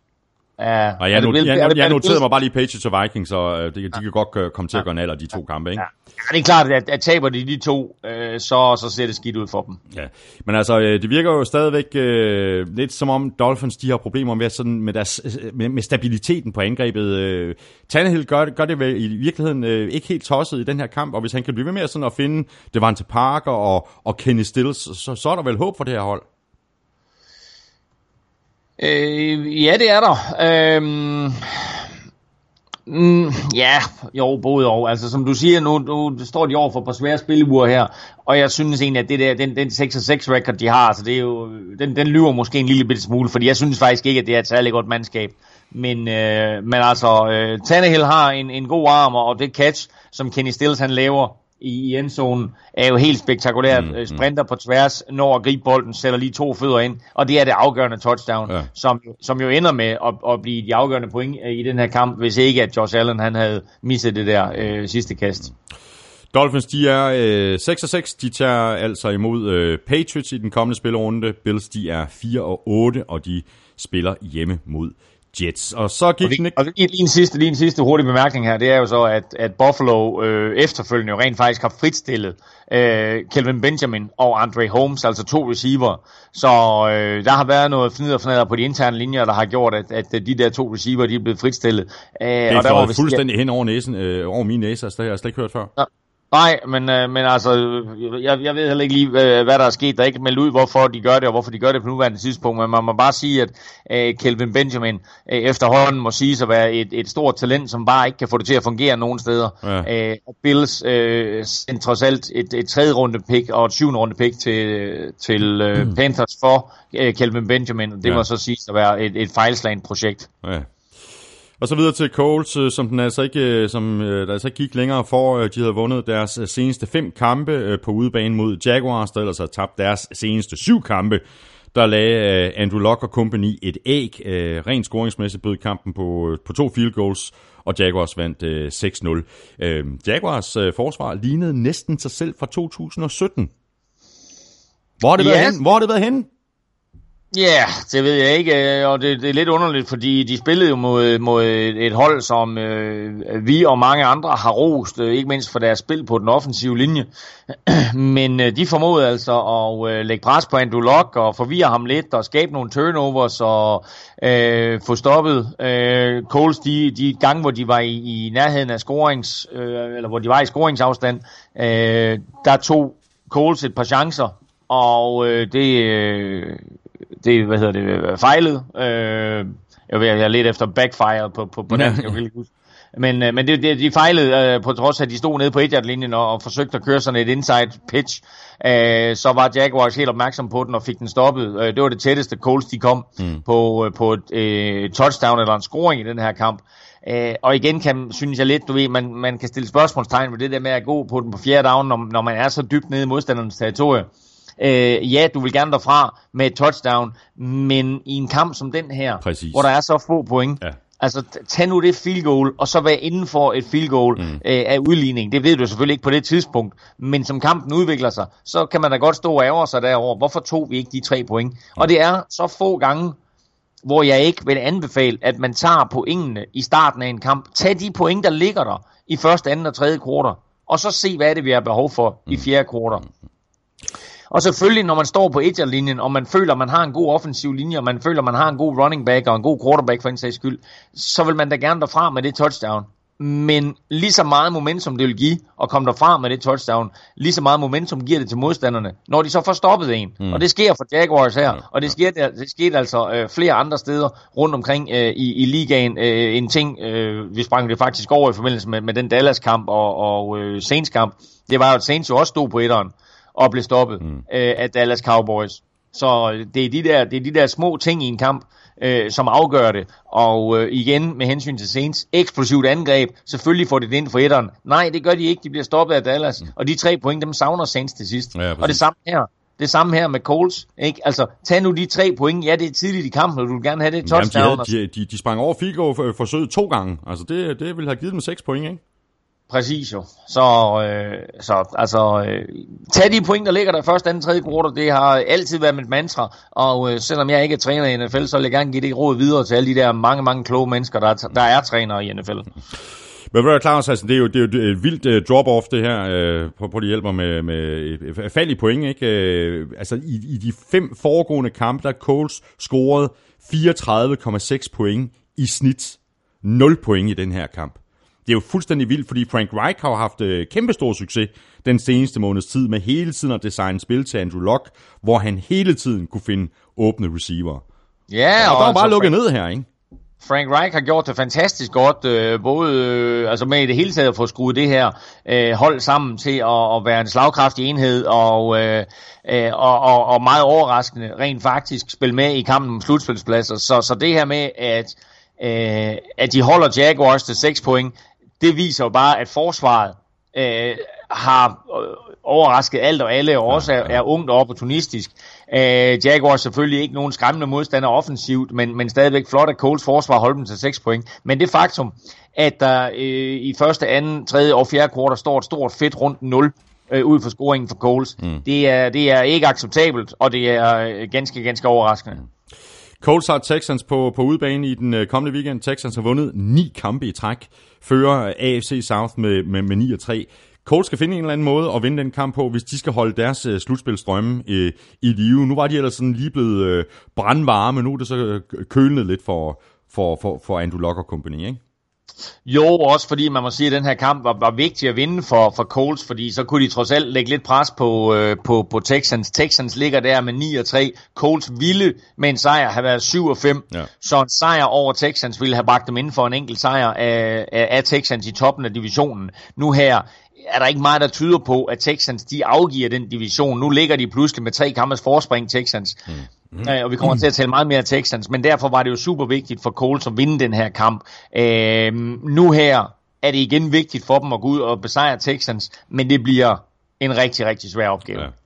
Så lad os bare lige runde uh, Jaguars uh, angreb. Uh, ganske kort, Cody Kessler startede på quarterback i stedet for Blake Bortles. Ikke flashy, men ingen interceptions og ingen fumbles. 18 af 24 for 150 yards det var på ingen måde flashy, men øh, i den der kolonne med W og Eller øh, for wins og losses, der står der et stort fedt W mm. ud for Cody Kessler, og det er det, der betyder noget, at det så bliver skabt på baggrund af, af fremragende forsvar og to field goals, det er hvad det er, men Cody Kessler, han vandt den her kamp. Mm. Han begik ikke nogen øh, fejl. Øh, Jaguars, de er 4-8. Øh, de spiller ude mod Titans Thursday night. Colts, de er som sagt 6-6, og de spiller altså ude mod Texans. Og øh, lige præcis Texans, de tog sig kærligt af Browns, og ikke mindst kærligt af Baker Mayfield, der blev interceptet tre gange i Texans hjemmesejr på 29-13. Øh, kampen var afgjort ved pausen, hvor Texans var foran med, med 23-0. Øh, de kom flade ud til den her kamp, Brown, Browns, efter at de i, i forrige uge øh, fuldstændig øh, sad på, på Bengals. Øh, synes du ikke, de så flade ud?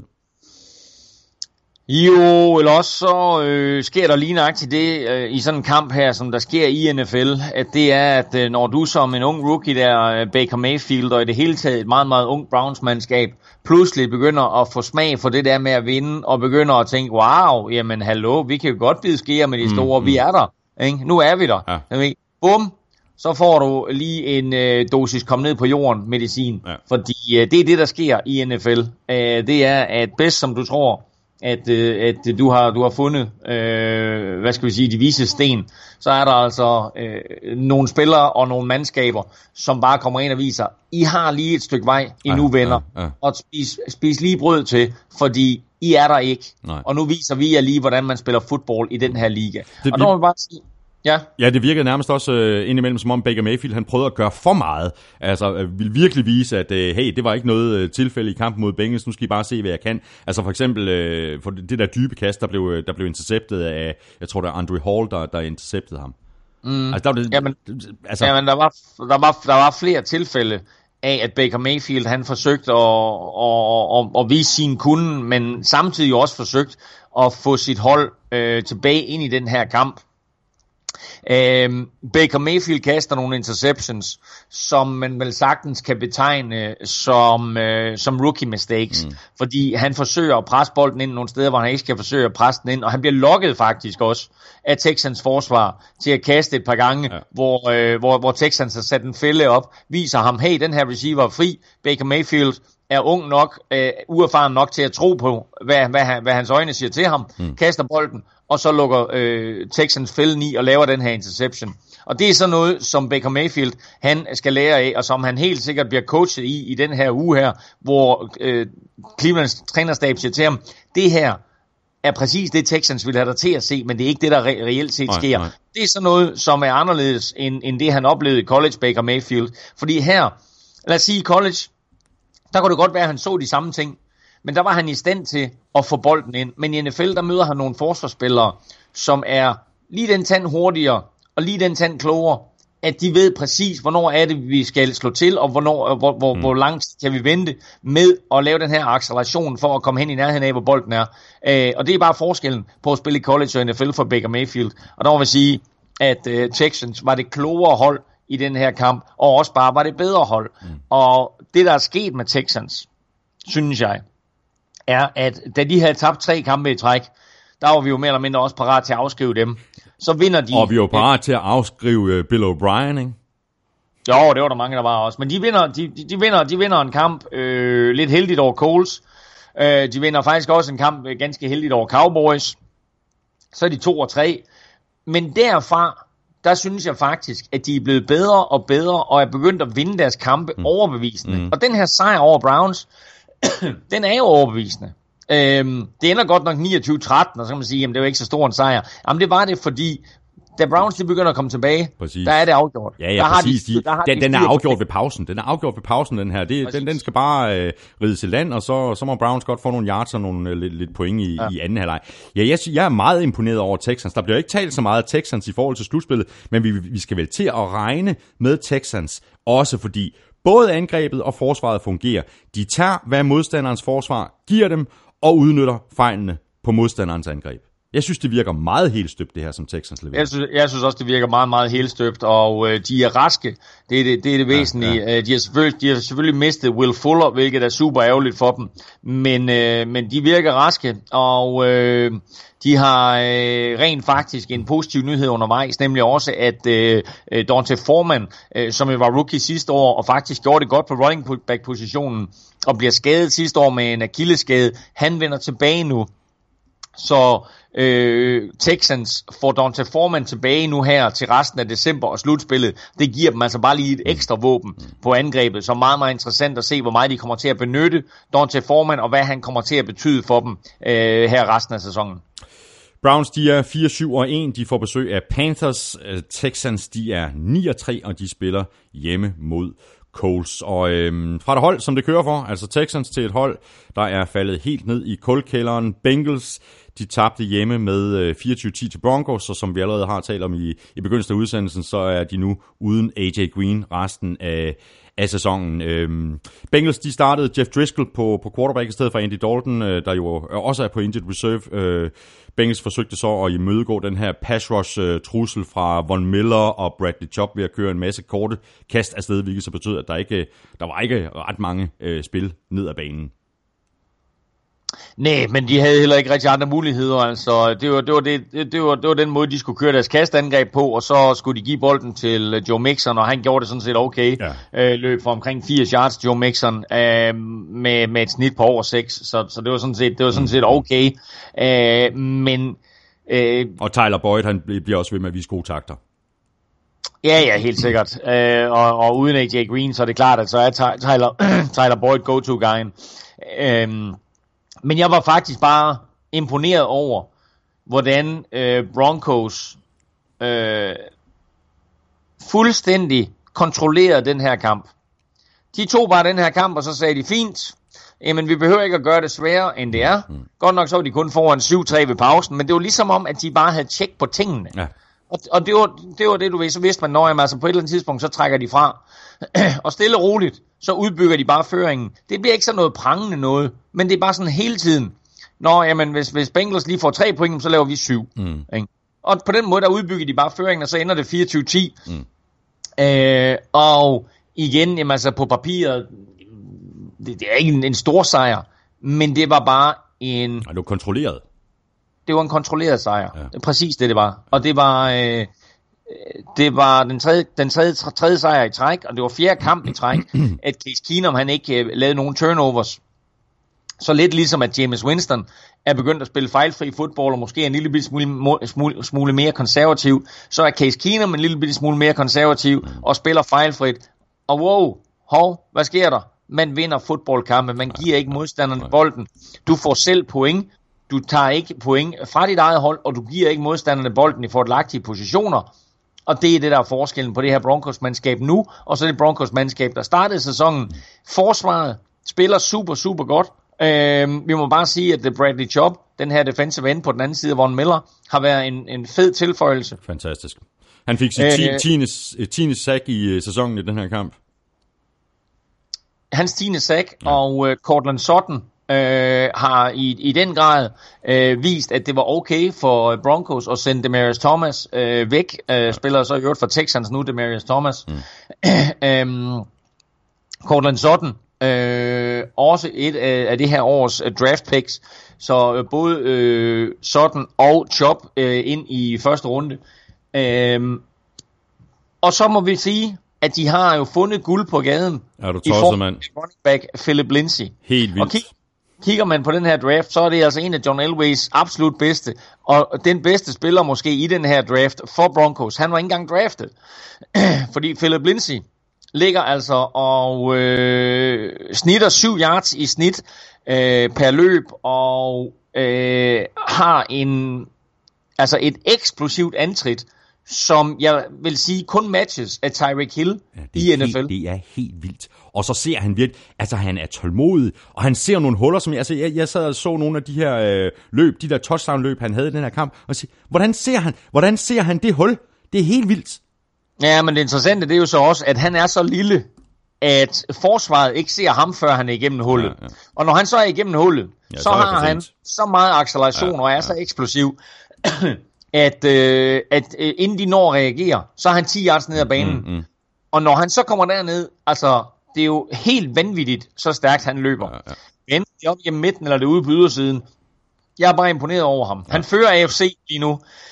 Han fører AFC halvdelen med 937 yards. Ja, han er på vej mod, altså hvis han fortsætter i det her tempo, så er han på vej mod 1249 løbeyards på sæsonen, og hvis han gør det, så slår han Dominic øh, Rhodes rekord på 1104 yards for en undrafted rookie, rookie siden, uh, siden uh, 1970. Sagde du rookie? Jeg sagde rookie. ligesom- Jeg sagde rookie. Ja. ja. Ja, der var en, øh, en, en undrafted øh, rookie der. Øh, og øh, Men det, Øh, er, er, er, imponerende. han, han må være i spil til at blive uh, offensiv rookie of the, of the year. Ja, eller rookie of the year i det hele taget. Jeg har skrevet i, mit- i mit momentometer, hvorfor, altså kommer han fra baghjul, Philip mm, Lindsay, ja, ja. Og, og napper den her rookie of the year. Øh, altså Saquon Barkley, selvfølgelig den helt store favorit, men altså den måde, som Philip Lindsay han har spillet på, ja. nu her den sidste måneds tid, øh, er altså virkelig, virkelig flot, og øh, han kunne godt blande sig i striden om at blive øh, både Offensive Rookie of the Year og den samlede Rookie of the Year. Broncos, de er bare lige foran den her, øh, de er jo fuldstændig i spil til, til slutspillet med 6 6. Deres resterende program øh, er ikke skræmmende. De spiller mod 49ers nu her i, øh, i weekenden. Øh, så spiller de mod Browns og Raiders og så Chargers i, øh, i spil uge 17. Ja, og det er jo super sjovt, fordi den kamp mod Chargers i spil uge 17, altså Broncos kan jo godt være 9 og 7, eller 9 og 6 inden den kamp. Mm. Øhm, og, øh, og så har, har de måske kniven på struben for at få en wildcard-plads, og Chargers har måske kniven på struben for at, øh, altså, hvad ved jeg, få en bedre seedning eller et eller andet, ikke? Mm, mm. Øh, de kommer næppe, at de, eller Chargers kunne jo rent faktisk godt ligge i en situation, hvor de kan vinde divisionen. Øhm, og det kan være, at den kamp til sidst, den afgør, om de vinder divisionen, eller Chiefs vinder divisionen. Så det kunne, det kunne rent faktisk blive rigtig spændende. Så jeg tror godt, vi kan glæde os til spil uge 17, Ja. hvor der er, er flere interessante kampe på tapetet, ligesom der er i den kommende spillerunde. Og Broncos, de er altså øh, 6 6. De spiller ud mod 49ers. Bengals, de er 5 og 7, og de skal til øh, LA og spille mod Chargers.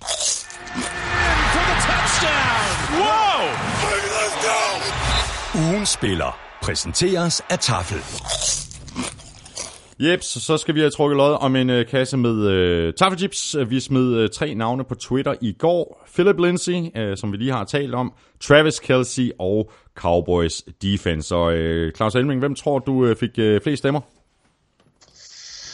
Uh, det tror jeg, Philip Lindsay gjorde. Ej, det går Cowboys defense. Ja, de, de- Cowboys Defense øh, vandt helt suverænt. Øh, Travis Kelsey fik øh, 14% af stemmerne. Philip Lindsay 15%, og så Cowboys Defense 71%. Er det, ikke, ja. Er det ikke det meste, vi nogensinde har været oppe på? Det tror jeg, det, Det tror jeg- være, der, det ja. tror jeg faktisk, ja, det det er i godt. hvert fald øh, en jordskred sejr her til forsvaret fra, fra ja. Dallas.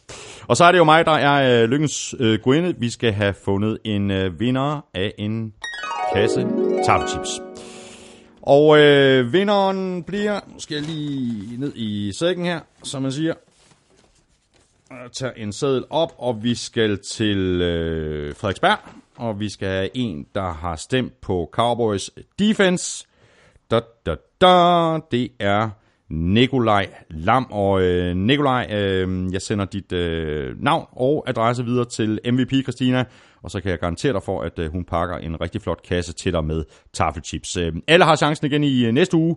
Vi nominerer som altid tre spillere på NFL-showets Twitter-profil på tirsdag, og så er der bare øh, tilbage for dig at stemme på din favorit på mailsnablag.nflshow.dk, og det gør du ved at skrive dit bud i emnelinjen, og i øh, selve mailen, der skriver du dit navn og adresse, og så er du altså med i kampen om at vinde en kasse med absurde mængder taffelchips. Så tager vi øh, fat i øh, kampen igen. Vi lægger ud med øh, Rams, øh, der besejrede Lions på udebane med 30-16. Øh, men skal vi ikke bare lægge ud med at, at lette på hatten for, for, for Lions forsvar, der er jo langt hen ad vejen formået at lægge pres på, på Jared Goff for også sætte en, en prop i det her højoktan øh, angreb for Rams. De havde stor ære i den her kamp. Jamen, det synes jeg. Og i, i lang tid, der var de med i den her kamp, og i lang tid, der blev de skære med, med Rams, men, men angrebet for Lions formåede ikke at udnytte de chancer, som de fik, formåede ikke at sætte nok point på tavlen, fordi havde de gjort det, øh, så kunne de faktisk godt have været foran med en, en, en 10, måske endda 14 point. Øh, og så var der for alvor blevet lagt pres på Rams. Nu ja, her, der, ja. blev det holdt, der blev det holdt inden, altså Rams var sådan set foran øh, hele vejen. Det stod mm. 14-13 i lang tid til Rams. Og på det tidspunkt, der havde Lions haft et par chancer til at være foran. Øh, og da så Todd Gurley, han laver det her øh, løb på en 25 yards aktie eller, andet, eller hvor langt den er. Ja, så er der lukket og slukket. Så er der lukket og slukket, for så ved du, at så kommer Lions nej, ikke tilbage. Nej, nej, nej. Men det tog dem lang tid, Rams, og øh, igen apropos det her med, om forsvar vinder mesterskaber.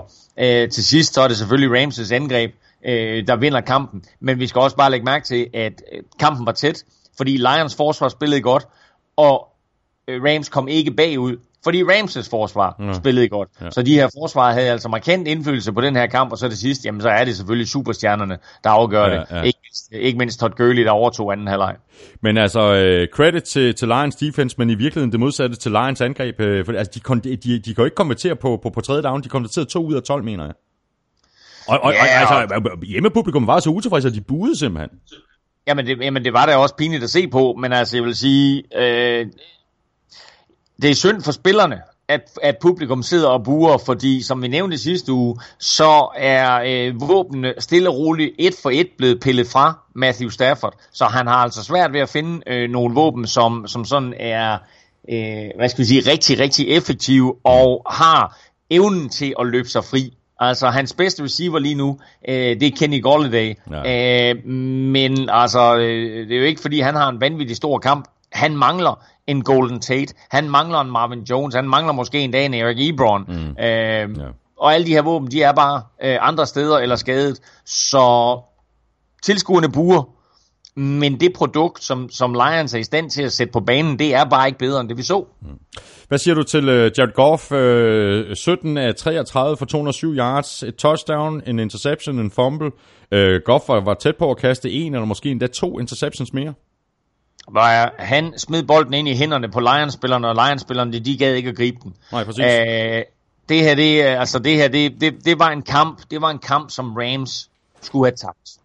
Men Rams vinder den, og det er det, som storhold og mesterskabshold er skabt af. Det er, at selv når det ikke går så godt, så finder man en måde at vinde på. Mm. Og ja, de havde lidt held med sig, Rams. Men øh, forsvarsmæssigt så, øh, kommer de jo... Øh, tilbage og holder, holder dem ind i kampen. Aaron Donald, som vi talte om i begyndelsen af kampen, endnu en, en suveræn kamp. En Dommer Konsu havde noget, han skulle bevise over for det hold, der draftede ham i sin tid. Så øh, han havde, øh, det var hans første kamp i Detroit, øh, efter han øh, forlod Detroit. Så han havde noget, han skulle bevise, havde seks taklinger, og var lige inde og, og sige goddag et par gange til Matthew ja, Stafford ja. også. Øh, så, så det her, det var en klassisk kamp, hvor øh, hold uden Ramses kvaliteter og uden den her enorme selvtillid, som der er ingen tvivl om, at de har masser af i øjeblikket, øh, der, vil, der vil andre mandskaber have tabt. Men Rams tror ikke på, at de kan tabe i øjeblikket, øh, og derfor så vinder de den her kamp, hvor de ellers var i kæmpe problemer. Mm. Og Rams, de er 11-1, de spiller ud mod Bears. Lions, de er 4-8, og de spiller ude mod Cardinals. Jeg har taffelchips, men du har spilchips. Jeg har spilchips, og øh, altså Chicago Bears på hjemmebane mm. øh, giver odds 2,45 mod Los Angeles Rams. Rams giver 1,58, og jeg vil sige, jeg tror kampen bliver tæt, og jeg tror godt, at det her Bears-mandskab kan skabe problemer, eller Bears forsvar kan skabe problemer for Rams' forsvar. Men øh, jeg er nødt til at sige, at et Bears-mandskab uden Mitchell Trubisky, de vinder ikke den her kamp. Så 1,58 på Rams mm. er min anbefaling herfra. Og så kan det godt være, at øh, Cardinals ikke lige frem er ligaens bedste hold, men må ikke øh, selvtiden er top, efter at de slog Packers med 2017 i en øh, kamp, hvor øh, Packers på forhånd var kæmpe favoritter. Øh, ja, der var kontant afregning fra fansene igen øh, budet af, af deres hold øh, på, på, på hjemmebane, og det er altså ikke, det, det er ikke hverdagskost. Nej, det er bestemt ikke hverdagskost, men det er heller ikke hverdagskost, at øh, man taber til Arizona Cardinals. Faktisk var det her den første Cardinals sejr på, eller i Wisconsin, øh, siden 1949. Øh, og dengang der hed Cardinals ikke Arizona Cardinals, de hed ikke engang St. Louis Cardinals, de hed Chicago Cardinals. Så sidst Cardinals vandt i Wisconsin over Green Bay Packers, det var altså øh, mere end et par generationer siden. Ja. Øhm, nu her øh, bliver det en kamp, som udstiller øh, Packers problemer hele vejen rundt. Øh, er ikke særlig god på forsvaret. Er slet ikke særlig god på angrebet, på trods af, at de har Aaron Rodgers. Og øh, selv kickerpositionen ja. med Mason Crosby. Det øh, slutter kampen af, ikke? 45 yards til field forsøg. Kick, kick, kick, 45 yards til sidst, ikke? Ja. Øh, ellers en af, en af øh, NFL's mest stabile kicker, der har haft gigantiske problemer i år. Ja. Og øh, de her kicker, som, som er gode til at sparke i, i dårligt vejr og på dårlige baner og udendørs, øh, dem er der ikke frygtelig, frygtelig mange af i NFL, men Mason Crosby har altid haft ry for, at, at han var en af dem. Men øh, han har altså haft sine problemer i år, og her der har han chancen for og sparke et udlignende field goal til sidst, misser, og så øh, er det jo i stedet for Insane Gonzalez, der ender med at, at, at blive game winner, ikke? fordi han et par minutter forinden havde sparket et field goal. Ja. Øh, fuldstændig samme forhold og nogenlunde samme længde. Ja. Og det er meget godt kommet igen af, ham, øh, igen af ham, efter han blev fyret af Browns tidligere på året, efter at han havde nogle, nogle afgørende misser der. Øh, så han misser han ikke i den her kamp. Øh, måske er det rigtigt, det han, det han selv sagde, dengang han spillede for Browns, at han var skadet. Og det var derfor, at, øh, at det gik galt for ham. Ja, det ved jeg så ikke, øh, om, om det var eller det ikke var. Men øh, der, er nogle, der er nogle kicker, som kommer ind og så får en god kamp hister her. Nu må vi se, om han så kan, øh, om han kan holde fast i det. Øh, men, øh, men, men faktum er i hvert fald, at øh, det her det er en kamp, som Packers på hjemmebane, på Lambeau Field, ja, skal, ikke må tabe. Den skal de vinde. Den skal de vinde. Øh, så, så, så derfor var det så også, at, at øh, der, som vi talte om i starten, ikke var nogen pardon. Nej. Mike McCarthy han blev fyret. Ja. Ganske kort, øh, Cardinals øh, offensiv linje, som vi har talt om øh, flere gange tidligere på sæsonen, Claus, øh, så langt bedre ud i den her kamp, i hvert fald i forhold til løbet. De har stadig problemer med at beskytte øh, Josh Rosen i, i, i kastespillet. Jo, men altså nu, øh, nu nævnte du også i starten, at de fik guard øh, øh Mike Eupati skadet, og øh, øh, det her det er et mandskab, som heller ikke talentmæssigt øh, er specielt godt. Så øh, nu har de fået deres quarterback ind. Øh, de har også en ung receiver, Christian Kirk, som så er desværre blevet skadet. Mm. Nu skal der bygges op, nu skal der bygges videre, og øh, overgangen fra Sam Bradford til Josh Rosen kom nok lidt tidligere, end de havde forventet. Men altså, han har vist nogle tendenser, Josh Rosen, som jeg synes berettiger ham til, at han blev taget i første runde. Nu skal vi se, hvor god han er, ja. når de rent faktisk giver ham en linje, når de rent faktisk øh, giver ham nogle receiver, og måske en tight end at kaste til. Øh, det interessante her, øh, var jo også, at, at vi så jo også en, en, en øh, ny øh, running back for, for Cardinals øh, gør det godt. Ja, Chase så, Edmonds. Øh, præcis, så, så spørgsmålet er, øh, hvad der kommer til at ske med David Johnson på den lange bane. Mm. Øh, om der er noget draftkapital, der er værd at hente der, om de ligesom siger, hey, vi har faktisk en rigtig, rigtig god spiller i David Johnson, er der nogen, der vil give nogle draft picks for ham? Øh, og så på den måde øh, sørge for, at, at de får lidt mere at skyde med i draften, og lidt flere spillere, som de kan hente ind til at hjælpe Josh Rosen. Cardinals, de er 3 og 9, de spiller hjemme mod øh, Lions. Packers, de er 4, 7 og 1, og de spiller hjemme mod Falcons. Så er vi nået til øh, Chiefs, der altså var uden øh, Kareem Hunt for første gang. Uh, angreb, angrebet så umiddelbart ud til sådan at være en smule ude af synk. De producerede alligevel 469 offensive yards, satte 40 point på tavlen mod Raiders 40-33 endte kampen. Spencer Ware løb bolden 14 gange for 47 yards og et touchdown. Han er ikke nogen Kareem Hunt, så det tvang sig samtidig også Patrick Mahomes til at, at fyre kanonen af. Også fordi, at, at Chiefs defensiv igen ser sådan lidt shaky ud, ikke? Jo, og det her det var jo et Chiefs-mandskab, som i den grad dominerede begivenhederne fra start og var langt, langt foran, og så på en eller anden måde, så går angrebet i stå, og på en eller anden måde, så er øh, Raiders lige pludselig, så ligner de øh, øh, det hold, som var i Super Bowl for efterhånden mange, mange år siden med Rich Gannon som quarterback. Kaster over hele banen, løber over hele banen, fuldstændig uforudsigeligt, scorer mm, mange mm. point. Øh, og pludselig så står det jo 33-30. Ja. Chiefs var langt foran. Øh, og så de pludselig... De var foran med 17, ikke? Så, øh, ja, og så foran med 17, og lige pludselig så er det her forspring reduceret til 3, og alt momentum øh, er hos Raiders. Og så må jeg bare sige, det er der, at andenårs quarterback Patrick Mahomes, han imponerer mig.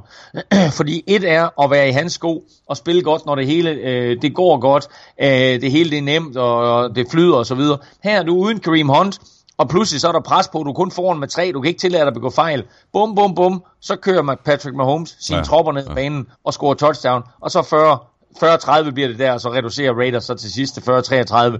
Men der afgør han bare kampen. Ikke? Så siger han, lad nu være. Ikke? Altså, lad nu være med det der. Ikke? Altså, det er os, der vinder den her kamp. Det kan der ikke blive nogen tale om, eller nogen tvivl om. Ikke? Altså, lad nu være. Og det, det er bare en imponerende kvalitet at have for så ung en quarterback. Jonas øh, German øh, skriver sådan her, når man sidder og ser, hvilket system Andy Reid har skabt for Patrick Mahomes, så kan man godt se, at manden er en quarterback, offense-minded coach. Øh, det han har udrettet med Mahomes minder jo næsten om gamle dage Packers med Favre. Er Andy Reid kandidat til at blive årets coach? Han er helt sikkert en kandidat til at blive årets coach. Han er jo en gang tidligere blevet kåret til Coach of the Year. Det var tilbage i 2002, og der var han jo coach for Philadelphia Eagles. Øhm, og øh, gjorde jo i mange år det der Eagles-mandskab øh, øh til øh, NFL's bedste angreb. Øh, hvad enten det var Michael Vick, der var quarterback, eller det var Donovan McNabb, der var quarterback. Øh, så formodede han bare at, at sætte et slagkraftigt øh, mandskab på banen, og øh, det er det samme, han har gjort nu her i Kansas City Chiefs. Og Andy Reid, han er, øh, han er jo efterhånden en erfaren herre, og øh, vil godt tillade sig at kalde ham en gammel mand, men han er ikke færdig med at lære og han hiver til sig af alle de her nye systemer, der er, og øh, han inviterer spændende trænere ind til samtaler fra, fra college og hører, hvad, hvad, hvad det er, de gør. Så hele tiden, der, øh, der, der, der optimerer han sit hold, og han optimerer sit holds chancer for at vinde, ja. ved at være på forkant med al den offensive udvikling, der er.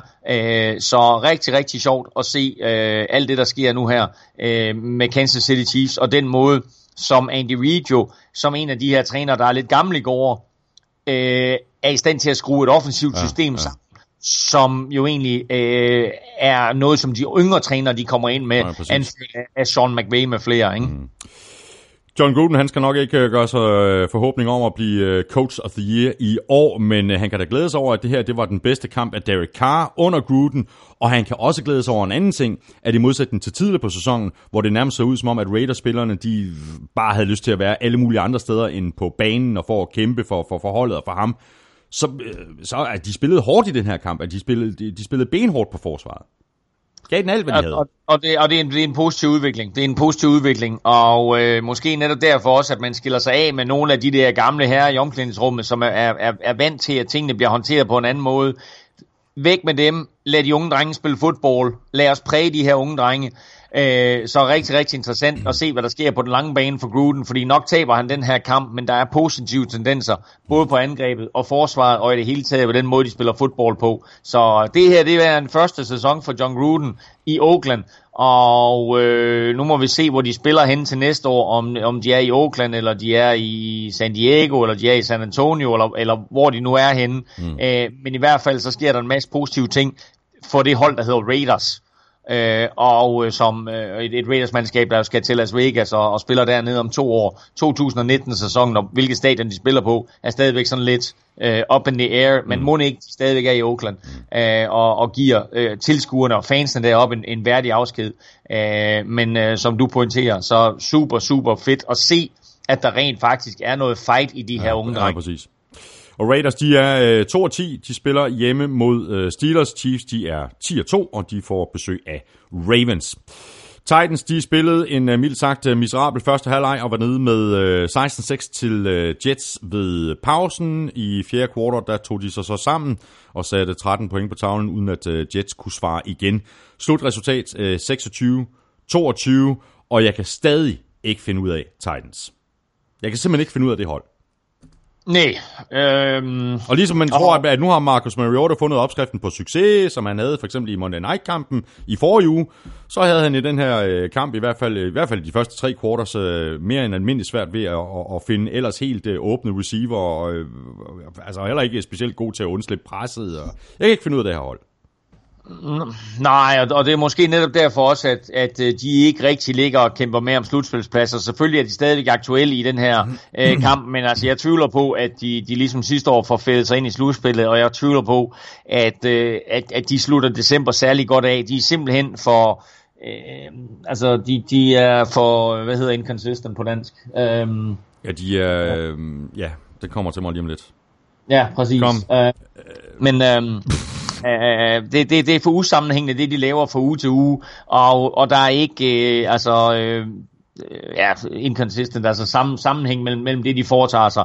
Øh, jeg, jeg, altså, jeg er ikke imponeret øh, over Titans, og jeg, jeg er lidt overrasket over, at, at, de, at de ligger der, hvor de ligger, at de rent faktisk har vundet så mange kampe, som de har. Ja, de er 6 og 6.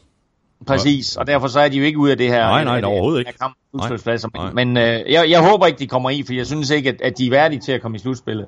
Øhm, de, øh, altså, de, de kommer bagud 16-0, og så vil jeg sige, så er det selvfølgelig også en kvalitet at sige, at man ligesom vender den på hovedet og siger, prøv at det kan ikke nytte noget, at vi, at vi taber til Jets. Og så får de faktisk vendt det hele rundt og ender med at vinde den her kamp med, med, med 6 point. Så på den måde, der viser det jo noget kvalitet, trods alt.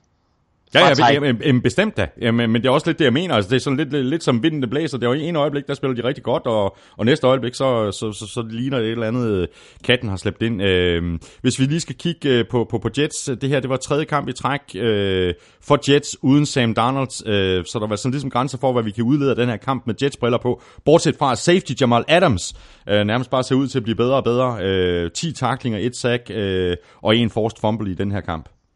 Jo, og han er jo en force, selvfølgelig er han det, uh, Jamal Adams, vi har jo talt meget om ham, siden han blev draftet sidste år. Uh, de har været nødt til at lukke den anden safety ned uh, for året, som de draftede sidste år, Mace, uh, og, uh, og det betyder så, at der bare måske er endnu mere fokus på Jamal Adams, men altså det er han lidt ligeglad med, han bliver bare ved med at levere mm. på den store scene, uh, så en af NFL's absolut bedste safeties. Med hensyn til Sam Darnold, så er det interessant, at den melding, der er kommet fra New York Jets, det er, at Sam Darnold rent faktisk var klar til at spille, men at de uh, tog en beslutning fra trænerstabens side om, at de ville spille Josh McCown. Så det viser altså, at, at de uh, er kloge nok til at spare den her unge spiller, på trods af, at han jo nok er en bedre quarterback end Josh McCown, så har de altså ikke tænkt sig at smide ham for løverne, og slet ikke imod Titans-mandskab, som uh, jo på papiret har et rigtig slagkraftigt forsvar, og måske kunne forvære uh, den skade, som, som Sam Darnold måske løber rundt med. Mm. Titans, de er altså øh, 6 og 6. De spiller hjemme øh, Thursday night mod øh, Jaguars. Jets, de er 3 og 9, og de skal til Buffalo og spille mod Bills. Øhm, og ligesom at øh, der nærmest kun er et øh, højt draft pick at se frem til for Jets, så gør det samme gældende for, så gældende for, for Niners, der fik en på kajen i Seattle. 43-16. Sejrens størrelse blev måske en smule større, end den kunne være blevet, øh, men der var ikke nogen tvivl om, at Seahawks var klart det bedste hold på, på banen i den kamp. Ja, du, og nu du sidder du og, og, og gaber, og det er muligt, fordi det stadigvæk er meget tidligt over hos, øh, over hos dig, Claus. Men det er bare simpelthen også bare en, en, en lang gaber for, for 49ers fans, den her kamp. Ja, og det var det, men altså, det var også interessant at se, at, øh, at det her uh, Seahawks-mandskab, de har fundet den identitet omkring uh, det her løbeangreb, ja. og at de bare konsekvent siger, jamen prøv at høre, vi løber bolden, vi bliver ved med at løbe bolden. Altså Russell Wilson, han completer fire bolde i første halvleg. Ja, altså vi snakker Russell Wilson. Fire bolde, Russell, tre touchdowns. Han completer fire bolde i første halvleg. De tre af dem er så for touchdowns. Det er ikke? I løbet af hele den her kamp, der completer han 11 bolde. Ja. Ikke? Altså, det er jo helt vanvittigt. 11 bolde, 4 touchdowns. Det er effektivt. Altså, det er effektivt. Jo, jo, men, men, men altså, det er Russell Wilson, vi taler om her, ja, ikke? Ja, jo. Men han, han øh, altså, øh, har 11 completions i en hel kamp. Øh, jeg kan huske, at altså, i, i flere sæsoner, der har Russell Wilson været min go-to-guy i fantasy football, mm, mm. for det vidste jeg, altså, han leverer altid, der er altid mange point i ham. Selvfølgelig er der også mange point i ham, i at han smider fire touchdowns. Ja, og, men altså, og, og, og løber med bolden også oven i købet, ikke? Ja, ja, ja, ja, men altså det her med 11 completions, ja. øh, det, må, det må nærmest være career low for ham. yeah. øh, og normalt, når man siger, at en spiller har, har, har ramt på 11 kast, så øh, kunne man godt forestille sig, at den spiller havde tabt kampen. Men øh, ikke bare vandt de kampen, Seahawks, de knuste ja, de 49ers. Kørt lige hen over dem. Og øh, sjovt nok, at Wilson, øh, han kastede ikke en eneste gang i retning af Richard Sherman, så det, så det gad de ikke øh, lege det der lille, den der lille leg med at, øh, at give Richard Sherman en, bare en minimal chance for at, at lave en interception i, øh, i Seattle. Øh, jeg, sad, jeg sad faktisk og, og tog lidt noter for sjov øh, under kampen, og, og det eneste, som jeg ikke sådan har streget over i ren raseri, øh, fordi det handlede om 49ers, det var ude for Bobby Wagner. Altså, Bobby Wagner, han er god til at spille fodbold. Kæft, hvor er han god, mand! Bobby Wagner, han er god til at spille fodbold, yes, og det er, det, er, det er alle facetter, og han laver jo faktisk også øh, det længste ja. interception touchdown i Seahawks historie ja. i den her kamp. 98 yards. Ja. Så der, hvor, hvor Fort Niners endelig havde en chance for at score, så øh, ja, ja, ja. træder Bobby Wagner lige ind foran, ja. og så viser han jo god fart ned ad banen også. Der er ikke øh, ret mange øh, positive ting at sige i forhold til øh, 49ers, bortset fra, at de nu gør, som jeg har bedt dem om i en måneds tid. Simpelthen starter de unge spillere, så de kan få noget rutine, og så holdet kan se, hvilke spillere, der er værd at satse på i fremtiden. For eksempel Dante Pettis, fem bolde for 129 yards og to touchdowns, og så også running backen, som Koversmed omtalte, Jeffrey Wilson, der løb 15 gange for 61 yards og, og greb 8 bolde for, for, for 73 yards. Så der, der er nogle unge spillere her, der har de sidste fire uger til at, at vise, hvad, hvad, hvad de er værd, og det er i virkeligheden øh, det, som uh, 49ers fans de kan hænge deres hat på lige nu, fordi uh, sæsonen den er skyllet ud i toilettet for længe siden. Jo, jo, men altså, det, det har han jo været et stykke tid, må vi, må vi sige, ikke? Og øh, altså, øh, Nick Mullins har haft det svært de senere par uger, øh, efter jeg var lidt hype på ham øh, til at starte med, så, øh, så må vi se, hvad, hvad, hvad der sker med ham på den lange bane, men altså selvfølgelig interessant, at, øh, at de nu har fundet sig en ny running back. Mm-hmm. For Niners, de er 2 og 10, de får besøg af Broncos. Seahawks, de er 7 og 5, og de spiller hjemme mod Vikings, og det gør de Monday night. Og øh, det er jo ikke ligefrem nogen øh, specielt nem opgave for Vikings at skulle spille på udebane i Seattle. Øh, og det var heller ikke øh, nemt for Vikings i søndags på udebane mod Patriots. En kamp, som øh, Patriots altså vandt med 24-10. Øh, du var der, Claus. Hvordan, hvordan oplevede du øh, kampen på stadion? Jeg oplevede den på den måde, at jeg er overrasket over, hvor effektiv, og jeg er imponeret, vil jeg hellere sige, over hvor effektive Patriots de er. Fordi hvis jeg ser på det her Patriots-mandskab, så er det ikke et særligt godt mandskab. Men de vinder bare fodboldkampe. Mm. De er stadigvæk godt coachet af Bill Belichick. Og Tom Brady leverer bare, når der skal leveres. Øh, forsvaret øh, lukker ned for Vikings. Altså et Vikings-mandskab med Adam Thielen og Stefan Diggs og Kai Rudolph og en Dalvin Cook, der ser ud til at være tilbage 100%, og en Kirk Cousins som quarterback. De skal lave mere end 10 point på det her, øh, på det her Patriots-forsvar. Men de er godt coachet, og de spiller godt, og de takler alt, hvad der kommer i nærheden af mm, dem. Mm-hmm. Og øh, Patriots angreb lægger ud med at score touchdown, så stagnerer det lidt. Øh, typisk Vikings, at de justerer, er i stand til at, at sige, okay, hvad var det, der gik galt på det her første angrebsserie? Så justerer de, holder Patriots til tre point øh, langt hen i kampen, ud, altså tre point yderligere øh, langt hen i kampen. Øh, og da det så står 10-10, og Vikings sidst man kommer tilbage, så siger Tom Brady, ej, ikke, altså, lad nu være. Ikke? Mm. Altså lidt ligesom Patrick Mahomes. Ja, hold op med det, pjat. lad nu være. Ikke? Og så kører han et drive af på fire plays, hvor øh, George Gordon har omkring 70 yards alt i alt på det, på det drive, og, og ender med at score touchdown. Og fra det punkt af, der er der kun et hold på banen. Vikings får chancen for at komme tilbage til sidst, men, øh, men uh, Kirk Cousins smider på interceptions, ja. uh, og, uh, og, og Brady kører bare sit hold stille og roligt til endnu et touchdown. Så ender det 24-10. Det var ikke prangende på nogen måder, men ja. det var super effektivt, ja. og jeg er bare vildt imponeret over det her Patriots-mandskab, at de er så øh, at, at, at de gør det uden nødvendigvis at imponere, men at du bare sidder med en følelse af, de taber ikke den her kamp. Nej, nej, præcis. Og jeg, altså, jeg, jeg, jeg, jeg er fuldstændig enig med dig, Claus, og det, som jeg har skrevet her i mine noter, der har jeg bare skrevet, ikke specielt meget finesse øh, over den måde, som Patriots øh, spiller på. Øh, handler om et, øh, et balanceret angreb øh, mod det her aggressive Vikings-forsvar. Øh, 32 kast og 39 løb. Oven i købet fordelt på syv forskellige spillere. Ja, og, og jeg, vil, lige sige, den der statistik, du kommer med, det er jeg ikke lægge mærke til, at de løber altså bolden syv gange mere, end de kaster den. Øh, det synes jeg også var, var en markant statistik for den her kamp, og de havde faktisk succes med at løbe den. Altså Vikings forsvar burde være i stand til øh, at stoppe løbet. De har en, en rigtig, rigtig god defensiv linje, men øh, Patriots blev altså ved med at løbe bolden, og de havde succes med at løbe bolden. Mm. Og når du har succes med at løbe bolden, så gør det bare lidt nemmere for quarterbacken. Og øh, den her defensive linje for Vikings, som jo også har et par store sackmestre imellem, de var altså nærmest ikke inde og røre Brady Nej. en eneste gang. Mm. Han havde masser af tid i lommen, og han var fuldt beskyttet af sin offensiv linje. Så en, en flot, flot indsats også på den offensive side af Patriots. Andreas Engberg øh, spørger, øh, skriver sådan her, mere, u, mere uinspirerende quarterback-spil har jeg da sjældent set for Brady. Var det bare en kedelig gameplan, de havde lavet, eller er Brady gået hen og er blevet en game manager? så, man, så, så har man Var også... en god game manager, ikke? Så, så har man også skruet forventningerne op, ikke? Til sådan, at, at man synes, at 24-10 sejr yeah. øh, over et, et godt forsvar og et godt mandskab i det hele taget, og en, og en potentiel playoff-kandidat, at det er kedeligt. Øh, jeg vil sige, at det var effektivt. Altså, øh, ja, øh, han var lidt game manager, men altså, øh, da det hele det skulle afgøres, der var det også ham, der lavede et par, par lange kast til Josh Gordon. Selvfølgelig bryder Josh Gordon en, en tackling på sidelinjen. Vikings var ramt af flere skader på forsvaret øh, og på cornerback. Øh, Xavier Rhodes var ikke 100%, men spillede øh, i øvrigt helt utroligt. Vi havde jo nærmest kaldt ham ude resten af grundspillet, men han var altså med. Ja. Øh, I stedet for så bliver, øh, eller, så bliver Trey Waynes øh, skadet for en hjernerystelse må udgå, og det betyder altså, at Vikings øh, i store dele af den her kamp må starte deres punt returner, Marcus Sherrills inde som cornerback, og øh, det udnyttede Patriots. Øh, det er ikke optimalt, vel? Et kast fra Tom Brady ja. til Josh Gordon. Josh Gordon, han bryder en takling fra Marcus Sherrills, og så løber han 40 yards ned ad banen, og uh, to plays senere, så kaster, Gordon, eller så kaster Brady til Gordon igen og touchdown. Uh, så på den måde, der udnyttede de, de Vikings svagheder.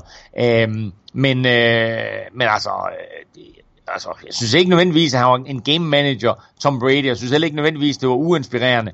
Jeg synes bare, det var effektivt. Ja, det var effektivt. Han rundede i øvrigt en uh, milepæl i den her uh, kamp, uh, Tom Brady. Han rundede 1000 rushing yards uh, for karrieren. Det tog ham så uh, 19 sæsoner og 265 kampe og løb 1000 yards. 265 ja, ja. kampe. Cam Newton, han, han kom over 1000 yards på 23 kampe. Ja, okay. det er halvanden, halvanden sæson. øh, nå. Ja, ja, men altså, og, og det var sjovt, fordi det interessante ved det her, det var jo, at da han så nåede de 1000 yards, øh, Tom Brady, så i stedet for at tage knæ, som han eventuelt kunne misse, øh, altså få minus en yard på, så sørgede han for, at på det sidste play, som var sådan en kneel down, at der i stedet for at lave kneel down, så lænede han sig fremad. ja, han, præcis. han fik med sine 1000 yards igen. Ja, præcis. Har du mere til den her kamp? Ellers vil jeg bare lige øh, ganske kort øh, kigge frem øh, for, for Vikings. Øh, det her matchup øh, mod, øh, mod, mod Seahawks i, i, i Seattle, det er, ikke det, det er ikke det bedste tidspunkt at komme til Seattle på det her. Det er det bestemt ikke. Seattle spiller rigtig, rigtig fornuftig fodbold. Ligger lige nu til en wildcard-plads. Øh, jo den eneste af de her klubber på en wildcard-plads, som øh, er 7 og 5. Vikings har faktisk den anden wildcard-plads i øjeblikket med 6, 5 og 1. Mm. og det er den her uafgjorte kamp mod Packers, som er forskellen på, om Vikings er 6, 5 og 1 eller 6 og 6. Og havde de været 6 og 6, så havde de ligget i den der store gruppe af hold på 6 og 6. Men nu har der mødes de to wildcard-klubber, altså. Øh, Seahawks på 7 og 5, Vikings på 6, 5 og 1. Og derfor så er det her en vanvittig vigtig kamp for begge mandskaber. Seahawks kan jo skabe en lille bitte smule afstand til alle ved at vinde kampen. Vikings kan spille sig ind i øh, wildcard-varmen ved at vinde kampen. Så øh, rigtig, rigtig meget på spil i den her Monday mm. Night-kamp. Det er lige præcis uh, Monday Night, at uh, Vikings, der er 6, 5 og 1, de spiller ud mod uh, Seahawks, og Patriots, de er 9 og 3, og de skal et smut sydpå til Florida og spille mod uh, Dolphins. Og så er vi uh, fremme ved Sunday Night-kampen mellem Steelers og Chargers, der endte med en sejr til Chargers på 33-30 efter et øh, helt forrygende comeback i, i fjerde kvartal med den mest vanvittige afslutning med tre field goal forsøg fra rookie-kicker Michael Batchley. ja, det var, det var en vanvittig afslutning. Første spark sender han forbi, så bliver der dømt offside øh, på, på Steelers. Andet spark bliver blokeret, der bliver der også dømt offside på Steelers. Yes. Tredje spark, den rammer han. Og, og der var jo også offside der bliver der også dømt offside på Steelers. Så øh, katastrofe indsats til sidst ja, var, af Steelers ja, special teams. Ja. Men øh, på den efterfølgende pressekonference, der stillede Mike Tomlin sig op øh, og blev spurgt lidt til, til, til den her situation, og kom i den forbindelse ind på øh, dommerpræstationen i det hele taget, men turde ikke at gå linjen fuldt ud, og sagde, ej, jeg må hellere tige stille. Jeg har i forvejen sendt penge nok til New York, forstået på den måde, ja, at der ja. blev uddelt øh, bøder fra hovedkontoret, mm. NFL's hovedkontor mm. i New York, og han ville ikke stå på en preskonference og svine dommerne. Men det kunne han godt have tilladt sig. Ja, fordi der var, der var flere spil i den her kamp. Der var tre spil, i hvert fald i den her kamp, med øh, groteske dommerfejl, ja. som øh, var med til at afgøre den. Og øh, det var faktisk ikke det eneste sted øh, i, i den her øh, spillerunde, hvor der var mærkelige fejl. Der var også en i, i Monday Night-kampen, som vi kommer til lige om lidt. Øhm, og det er altså øh, det er fejl, som øh, en, øh, det er fejl faktisk, som tidligere på året gjorde NFL fyrede en dommer. Mm. Og nu skal de så til at genoverveje situationen. Altså, er der flere dommere, der skal fyres? Fordi der er nogle af de her situationer, som altså, er så åbenlyse, at man ikke forstår, at de ikke bliver dømt. Og to, så er der i de her øh, vinde, som strømmer igennem øh, NFL's øh, trænerstab og organisationer i hele taget, om at man vil have mulighed for at se nogle straffe igennem ja. øh, video, ligesom, ligesom man har med, øh, med, med, med, med, med andre typer af spil. Øh, der, man kan jo ikke i øjeblikket se en straf igennem. Øh, du kan ikke se igennem, om der var face mask, du kan ikke se igennem, om der var pass interference, du kan ikke se igennem, om der var false start. Den eneste straf, du kan se igennem, det var, om en quarterback øh, har løbet over linjen i forbindelse med et fremadrettet kast eller ej. Ja, ja. øhm, men de her fejl her, øh, altså gør bare øh, de stemmer stærkere, som, som, som øh, håber på, at man kan begynde at se nogle straffe igennem. Jeg synes ikke, at vi skal den vej. Jeg, jeg, jeg bryder mig ikke om, at der er nogle straffe, der skal ses igennem, men jeg vil sige, at der er nogle fall starts, som er med til at afgøre den her kamp, hvor man bare tænker, okay, altså han er jo stadig et halvt til et helt sekund, inden bolden er snappet. Hvordan kan en dommer miste den? Ja, ja præcis. Øh, bortset fra, øh, fra de her helt åbenlyse fejlkendelser øh, fra, fra, fra dommerne, som gik Steelers imod, øh, så må man vel også bare, øh, altså ud over det, øh, give credit til Chargers. De var bagud med, med, med 16 point ved pausen. Øh, de havde været fuldstændig ud af stand til at stoppe Antonio Brown i første halvleg, øh, og, og i øvrigt selv øh, havde, havde meget vanskeligt ved at få, få angrebet til at fungere. Hvad gør man så i pausen? Jamen, øh, så rykker man lige lidt rundt på nogle brækker, og så ud over at levere på special teams i øvrigt, så sætter man så Keenan Allen på arbejde, og, og så gik det helt meget bedre. Ja, og vi kunne sagtens have nomineret Keenan Allen også til ugens spiller, fordi uh, han havde en, en, en vanvittig kamp, og især en vanvittig anden halvleg. Ja. um, Chargers, den her kamp, det, det, er jo, det er jo sjældent at se et hold dominere så meget, som Steelers gør i første halvleg, og så enten kollapse i anden halvleg, eller at det andet hold øh, øh, overtager og får lavet justeringer, der gør, at man så pludselig øh, spiller lige op, og ikke bare spiller lige op, men, men leverer et, et 16-points comeback. Øh, en, en, en kamp, øh, altså som man siger, en, en kamp med, med to vidt forskellige halvleje. Ja. Steelers i første halvleg, Chargers i anden halvleg, men det her comeback var bare imponerende. Jeg sad, øh, jeg sad på hotelværelse, vi havde været ude at se øh, øh, kampen øh, mellem Patriots og Vikings. Jeg kom tilbage på hotelværelset, sad og rode med mit momentometer, og sad og så den her kamp. Øh, og jeg tænkte, nå, jamen det er fint nok. Steelers, de vinder den her kamp, dem kunne jeg godt øh, allerede øh, øh, give en sejr på mit momentometer. Jeg gjorde det ikke, vil jeg lige sige. Så det var ikke din skyld? Det var ikke min skyld, men hold op øh, for et comeback. Uh, Chargers leverer, og Philip Rivers leverer. Og så øh, altså hatten af for, at de nu endelig øh, har fået noget succes på special teams. De får både et, øh, et touchdown på punt return, og de har en kicker, der afgør kampen ja. til sidst med et field goal. Ja. Og det har vi jo ikke lige det er altså nye, Det er nye toner for Chargers, ikke? Det er det, er det. og det, er, det joke, det joke Philip Rivers også med lidt bagefter. Ja. Hvem har egentlig chancen på running back nu indtil Melvin Gordon er tilbage? Er det, er det rookien Justin Jackson, som øh, Korsmed jo, jo anbefalede sidste uge, eller er det Austin Eckler?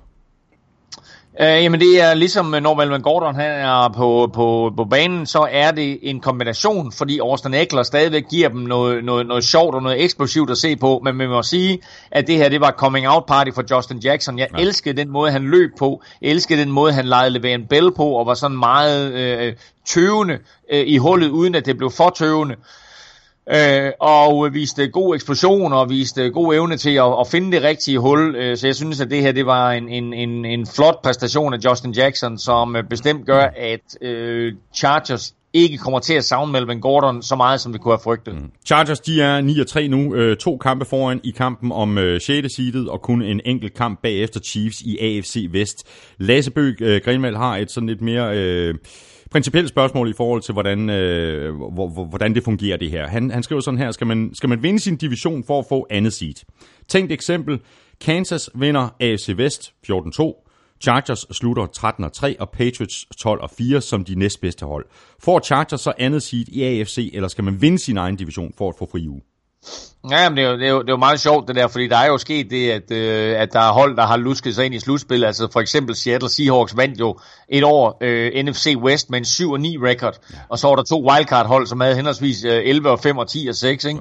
Ja. Øh, så man skal vinde sin division for at, øh, at blive seedet 1, 2, 3, 4, og så 5 og 6 seeds, altså de to wildcard hold. Det behøver så ikke engang, det behøver så ikke engang være en toer jo. Øh, det kan godt være en treer, mm. hvis det er fra samme division. Det er de to hold med den bedste record, der bliver, mm. der bliver wildcard hold efter de fire divisionsvindere. Mm. Thursday Night-kampen, siger det bare Claus. Thursday Night-kampen i uge 15. Den Chargers, er vild. Chargers ude mod Chiefs. Den er Hvor nemlig vild. bliver det en vild kamp, mand. Ja. Der er ikke længe til. Der er ikke Nej, altså, øh, og, og, og vinder Chargers den kamp, så er det jo netop, at vi får det her scenarie den sidste uge med, at øh, Chargers og Broncos øh, får en frygtelig, frygtelig masse at spille om der i uge 17. Bare lige runde Steelers ganske kort det her. Det må selvfølgelig være øh, et, et, øh, en, en bitter pille at sluge, et svært øh, nederlag at sluge for, for, for Steelers. Nu har de så tabt to i træk.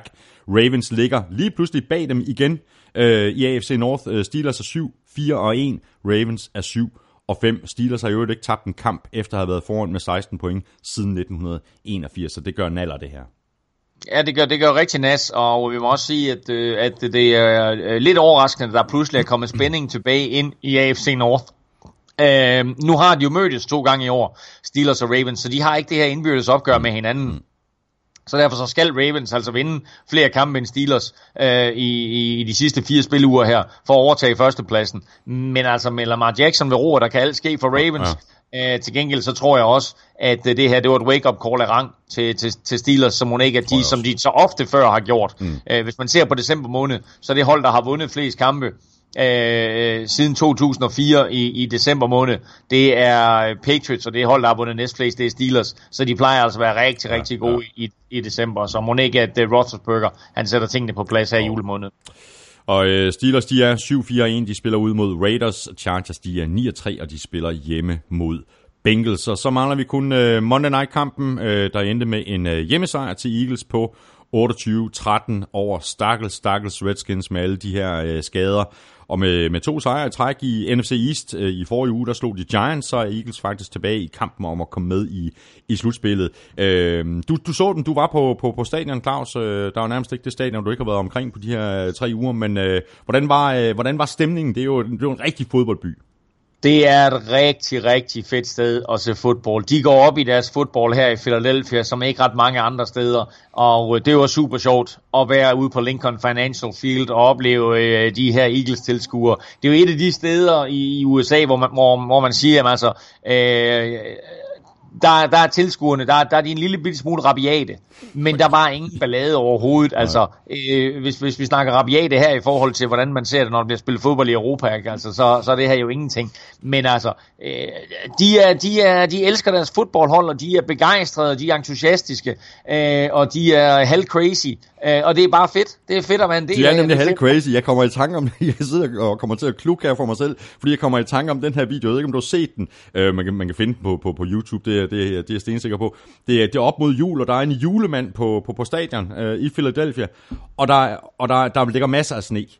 Og så er Ja. der en enkelt, der kaster en snebold, øh, snebold mod den der julemand, og det udvikler sig jo fuldstændig kaotisk. Der står jo 100-200 mand og bombarderer den her julemand med snebold. Det er fuldstændig Ja, men det er jo- det er- det er Only in sjovt, Philadelphia. Jamen, det er sjovt, du bringer den øh, situation frem, fordi vores, øh, vores buschauffør på vej derud øh, fortæller netop den her historie, og han siger, det, Okay. det, det er så sindssygt, vi er. Det, det er os, der kastede snebold efter julemanden. Ja, præcis. Det, er, det, det, det, det er så sindssygt. De elsker deres fodboldhold, Philadelphia, og øh, det, var, det var godt, at de vandt. Det, det så jo sådan lidt kritisk ud øh, en overgang, men øh, Ja, så ja. blev McCoy skadet, og inden kom Bot Fumble Mark, og så vidste vi alle sammen godt, at øh, så var det overstået. Ja. Men det begynder også at ligne øh, lidt nu på angrebet med nu øh, øh, Darren Sproles er tilbage, Golden Tate er blevet kørt ind, øh, Zach Ertz, han er altid god. Øh, der, der er der sådan ligesom noget, noget at arbejde med nu for Carson Wentz, ikke? Jo, og man skal jo ikke kimse af Josh Adams, den her unge running Nej, back, nej, han gør det rigtig, mand. rigtig godt. 20 løb for Øh, 85 yards. Præcis, men jeg synes, at, at som du fremhæver med Darren Sproles, at det var fedt at se ham tilbage. Det var hans øh, første kamp siden spil U1. Og han scorede sit første touchdown også, mm. øh, siden december 2016. så det, øh, det er efterhånden et, et, et stykke tid siden.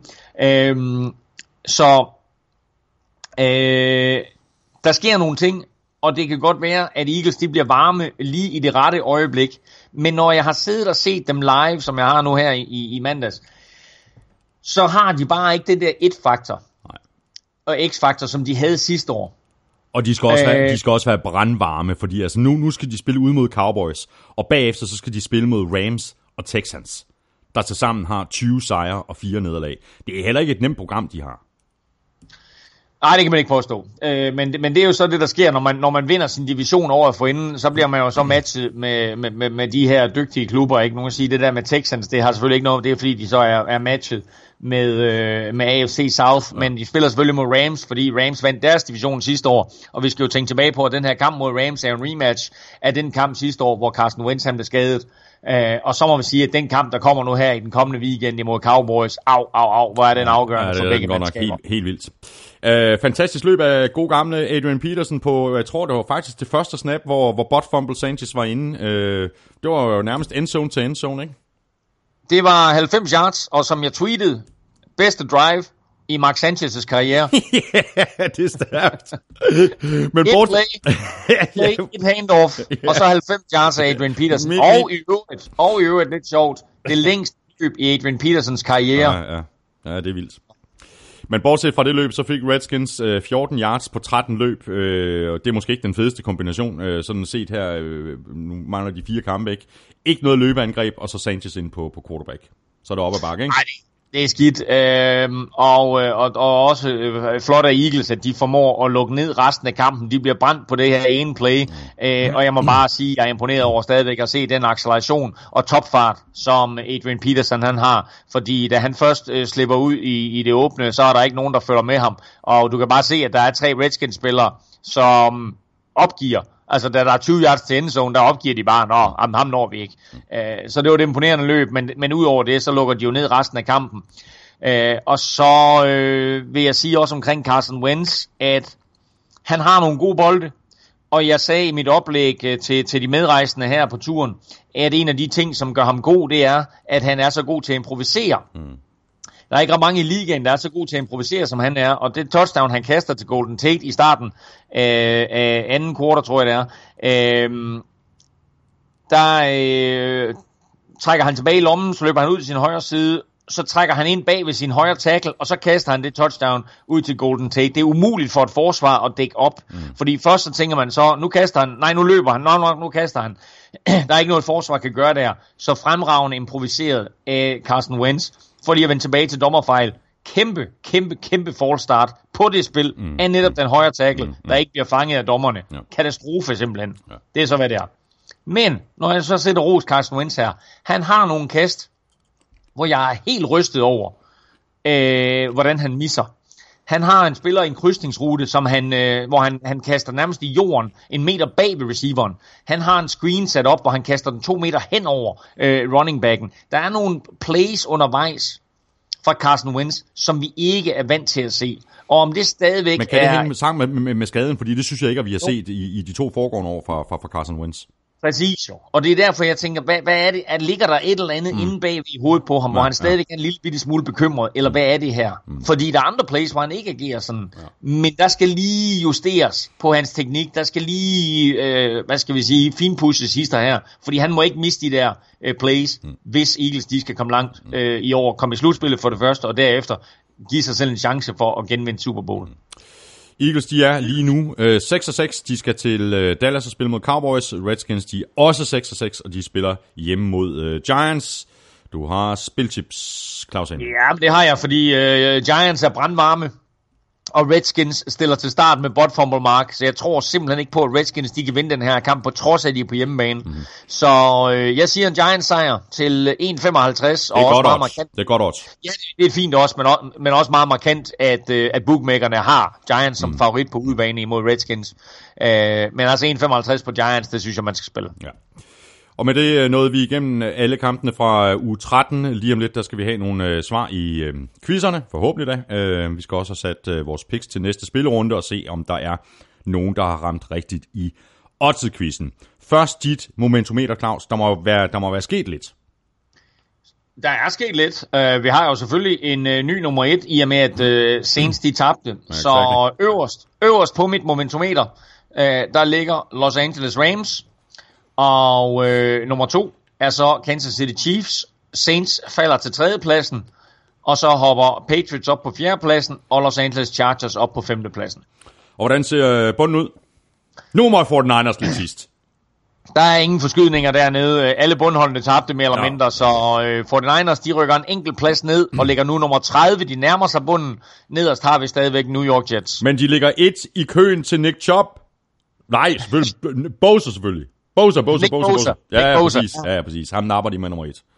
Der er heller ikke rigtig nogen, af- det kommer vi til at tale om. Vi laver nogle ekstra, øh, nogle ekstra podcast, øh, Claus, på et øh, tidspunkt om nogle uger, hvor der faktisk er nogen, der, der spørger lidt ind til, til college quarterbacks og sådan noget. Det her, det ser ikke ud til at være den helt store øh, draft i forhold til quarterbacks. Og det er derfor, Nej, jeg, jeg, jeg er ret sikker på, at. Bosa han ryger som etter. Der, der, der er et par stykker på vej, som, øh, som der nok skal skabe, bliver skabt noget hype omkring. Godt, nu skal vi have øh.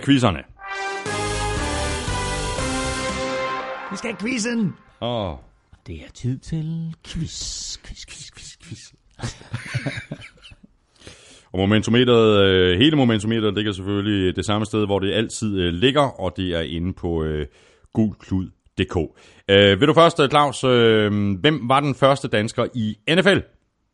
Jamen, det var en kicker, der hed Hans Nielsen, Det er korrekt. som øh, spillede i starten af 70'erne. Og jeg mener faktisk kun, at han fik to kampe for Dallas Cowboys. Tre, øh, nå, Er det tre? Nej, tre kampe for Chicago Bears. Og var det, var det sådan, det var?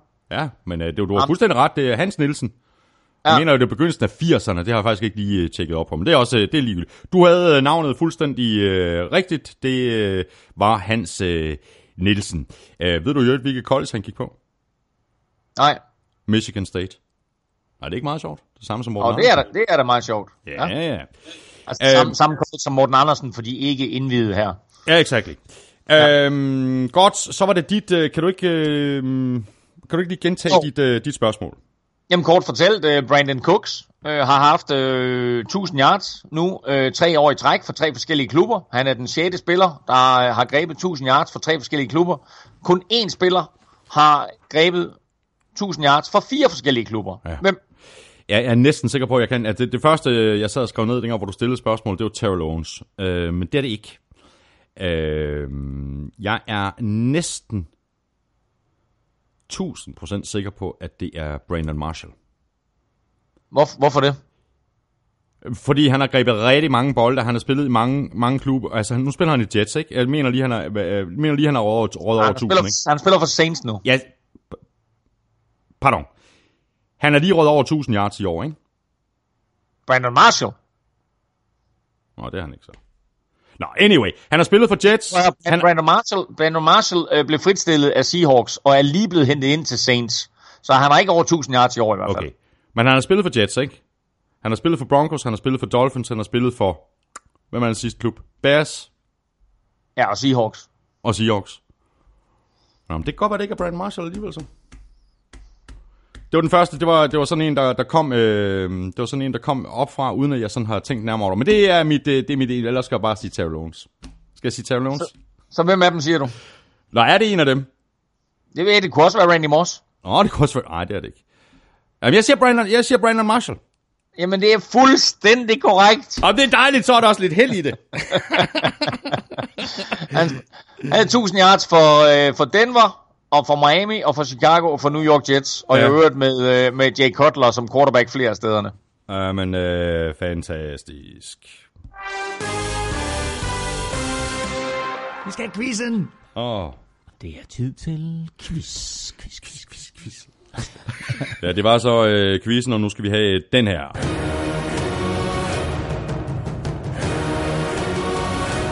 Fordi øh, nu skal vi nemlig lige se, om der var nogen, der ramte rigtigt i øh, Otterquizzen, øh, hvor alle jo hver uge har chancen for at vinde et free bet på 200 kroner til Otter for Danske Spil. For anden uge i træk, der var der øh, lutter nitter. Ingen ramte plet. Alle får chancen igen i øh, eftermiddag her onsdag, når vi lægger en ny Otterquiz op på NFL Shows Twitter-profil. Deadline er øh, søndag kl. 19. Du deltager ved at svare på det tweet, hvor Otterquizzen er vedhæftet, og så skriver du din bud og afslutter med hashtag Otterquiz. Øh, hvis du skulle være så heldig at øh, ramme rigtigt, så øh, vinder du altså free bet på 200 kroner til Otter for Danske Spil. Du skal være 18 for at deltage, og så skal du placere hele beløbet på et spil, hvis altså du vinder.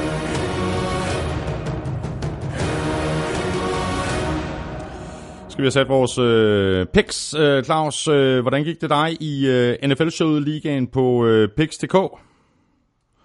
Jeg missede godt nok en, en del jamen, kampe. Faktisk, Ja, jeg jamen, det nok gik en del. faktisk rigtig, rigtig godt, fordi uh, godt nok så missede jeg en, en, en stor stribe af kampe. Jeg tror, jeg missede en 6-7 stykker. Men jeg havde faktisk de fem øverste. Havde du Og det? det Jeg missede 75 på Saints. Ja, men, uh, men jeg havde de fem øverste, og det, er- det, det er væsentligt, når man spiller picks. Ja, det må man sige. Altså. Hvad er du på øh, samlet? Har du, øh, har du et samlet tal? Jeg er på 4.648. Jeg er på 4.668. Ej, jeg troede, jeg havde hentet dig. Ej, det har du stort set også 20 point, er ingenting. Nå. Spørgsmålet er så, hvordan det gik her i NFL-showet og vores øh, lille straight-up øh, picks konkurrence. NFL-showets øh, stat wizard Lukas Willumsen skriver sådan her. Efter tre spillerunder uden en vinder, der lykkedes det endelig for en af jer at overgå den anden. Thomas gik meget fornuftigt og helt principielt imod Claus' pick i kampen mellem Falcons og Ravens, hvilket resulterede i en øh, 10-9 sejr til Thomas. Dette bringer den samlede stilling op på 123-122 i Thomas' favør. Og det var sjovt, at jeg fulgte uh, Lukas Willumsens uh, gode råd der. Bare vælg det modsatte af, hvad Claus han, fordi jeg ville have valgt Falcons. Jeg ved ikke, om du kan huske Jamen, Jeg det, det, bliver, det bliver så afgørende. Ja, det er skide godt.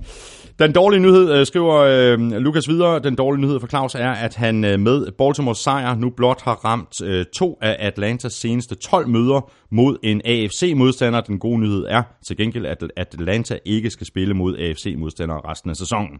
Derudover så får Claus den her uge lov til at prøve kræfter med endnu en af sine yndlingsdiscipliner i picks, nemlig AFC South divisionsopgør, og så endda hele to af dem. Sæsonen har hidtil budt på 8 AFC South divisionsopgør, og her er det blot lykkedes Claus at ramme rigtigt to gange, hvilket jo er imponerende i sig selv. Jo, jo, men det er sådan nogle ting, jeg kan. Det er nemlig det, du kan. Så skal vi til det. Spillerunde 14. Og vi begynder faktisk med et af de her øh, AFC South divisionsopgør. Titans Jaguars. Og det er Jeg så siger her, Titans. Ja, jeg siger også Titans. Jeg kan simpelthen ikke få mig selv til at gå modsat af dig her. Jeg siger også Titans. Øhm, Bills Jets. Bills. Bills. Det vil nok ikke, at man, at man vælger Jill- Bills, men Ja, ja, ja. ja. men uh, Buffalo Jills, ja. Redskins Giants. Giants. Giants, Buccaneers Saints. Saints. Saints, Dolphins Patriots. Patriots. Patriots, Chiefs Ravens. Chiefs, Chiefs. Så har vi den anden der, så hvor jeg bare skal gå modsat uh, Texans Colts. Og må jeg lige, uh, må jeg lige komme med et spiltip her, fordi Ja. uh, godt, nok, godt nok så har Godt nok så har øh, Ravens øh, vist gode takter med Lamar Jackson og det her forsvar, øh, men jeg får svært ved at se dem slå Chiefs. Selvfølgelig vil det være en kæmpe overraskelse, hvis de gør, men Chiefs giver altså 1,35 på hjemmebane, og øh, det, det synes jeg faktisk er, er, er et fremragende odds for en hjemmesejr til et brandvarmt Chiefs-mandskab. Ja. Texans Colts. Den er ikke nem, men jeg siger Texans. Jeg siger også Texans. Jeg kan ikke gå modsat her. Packers Falcons. Jeg siger Packers. Jeg siger også Packers. Det gør de ikke to uger i træk, det der. Det, det, det kan de ikke. Og Falcons, de har så mange problemer. Både på angrebet og på, og på forsvaret. Ja, og så, og så, du ved, så er der trænerskift til Ja, Green. Bay, og det er hjemme ja. på Lambeau Ja, og så videre. ja, det tager, ja. Den taber de ikke. Nej, det tror jeg ikke. Så kommer der en spændende en her. Browns Panthers. Ja? Jeg siger Browns. Nej, det gør jeg også. Er det rigtigt? Ja. Ej, jeg vil gerne have taget Browns der. Nå, okay, fint. Ja, men Altså, vi siger... jeg, jeg tager, jeg tager ja, ja, Browns, ja, ja, jeg men du vil- vil gerne have haft dem alene. Ja, ja. Ja, For Niners Broncos. Broncos. Broncos, Chargers Bengals. Chargers. Chargers. Cardinals Lions. Åh oh, ja, kom så med den. Jeg siger Lions. Jeg siger også Lions. Ah, Raiders Steelers. Steelers. Steelers. Det skal de jo. Cowboys Eagles. Også spændende. Ja. Ja, Jeg siger Cowboys. jeg siger også Cowboys. Det er vildt, vi, vi nåede dertil, ikke? Jo, det er vildt. Bears Rams. Ja, jeg siger Jeg, Rams. jeg siger også Rams. Og Seahawks Vikings. Seahawks. Jeg siger også Seahawks. Altså, var vi, var vi uenige i nogle kampe? Det tror jeg faktisk ikke. Det var, vi var, Var det i en, alle der var én kamp, eller hvad? Hvad var det, Nej. det var? Vi var da enige i alle kampe. Det var Var da vanvittigt. Nå, det er da simpelthen bare Hvad sagde, sagde, du, hvad sagde du i Texans Colts? Texans. Texans. Så tror jeg, det, vi- så tror jeg, vi var enige i alle kampe. Ja, så må du lige vælge nogle andre. Ikke? Ja. Tak for nu, Elming. Øh, det har været en fornøjelse. Kom godt hjem. Øh, det bliver godt at få dig tilbage i, i studie 1. ja, det bliver skønt. Så kan, vi også, så kan vi også gøre dem lidt længere igen, udsendelserne. Ja, ja, præcis. Det er nok kun øh, lige knap øh, to og en halv time, det her. Det, øh, det er for kort. Det, er- det er for Ja, lidt. det er alt, alt, alt for kort. Alt for kort. Godt. Øh, kom godt hjem, øh, Elming. Øh, godt at have dig med her på, på, på Skype, men endnu bedre at have dig med øh, her i, i studiet i næste uge. Også tak til alle, der har lyttet med. Hvis du synes om det, vi laver, så kunne du overveje at skrive en anmeldelse i iTunes. Du kan også støtte os med et valgfrit beløb på tier.dk eller via linket på nflshowet.dk. Stort tak til vores gode venner og sponsorer for Tafel og Odds for Danske Spil. Støt dem, de støtter os. Hvis du har øh, spørgsmål eller kommentarer, så kan du gøre det på Twitter, og du kan også gøre det på mailsnabelag.nflshowet.dk. Følg Elming på Twitter på snabelag NFLming. Mig kan du følge på snabelag Thomas Kvartrup. Tak for nu. Vi høres ved. NFL-showet er produceret af Kvartrup Media, der også producerer Born Unplugged, podcasten om dansk politik, som jeg laver sammen med min øh, fætter Henrik hver eneste fredag. Elming og jeg er som sagt tilbage igen i næste uge, når vi tager endnu en tur med verdens fedeste sports. Ha' det rigtig godt så længe. Hot odds.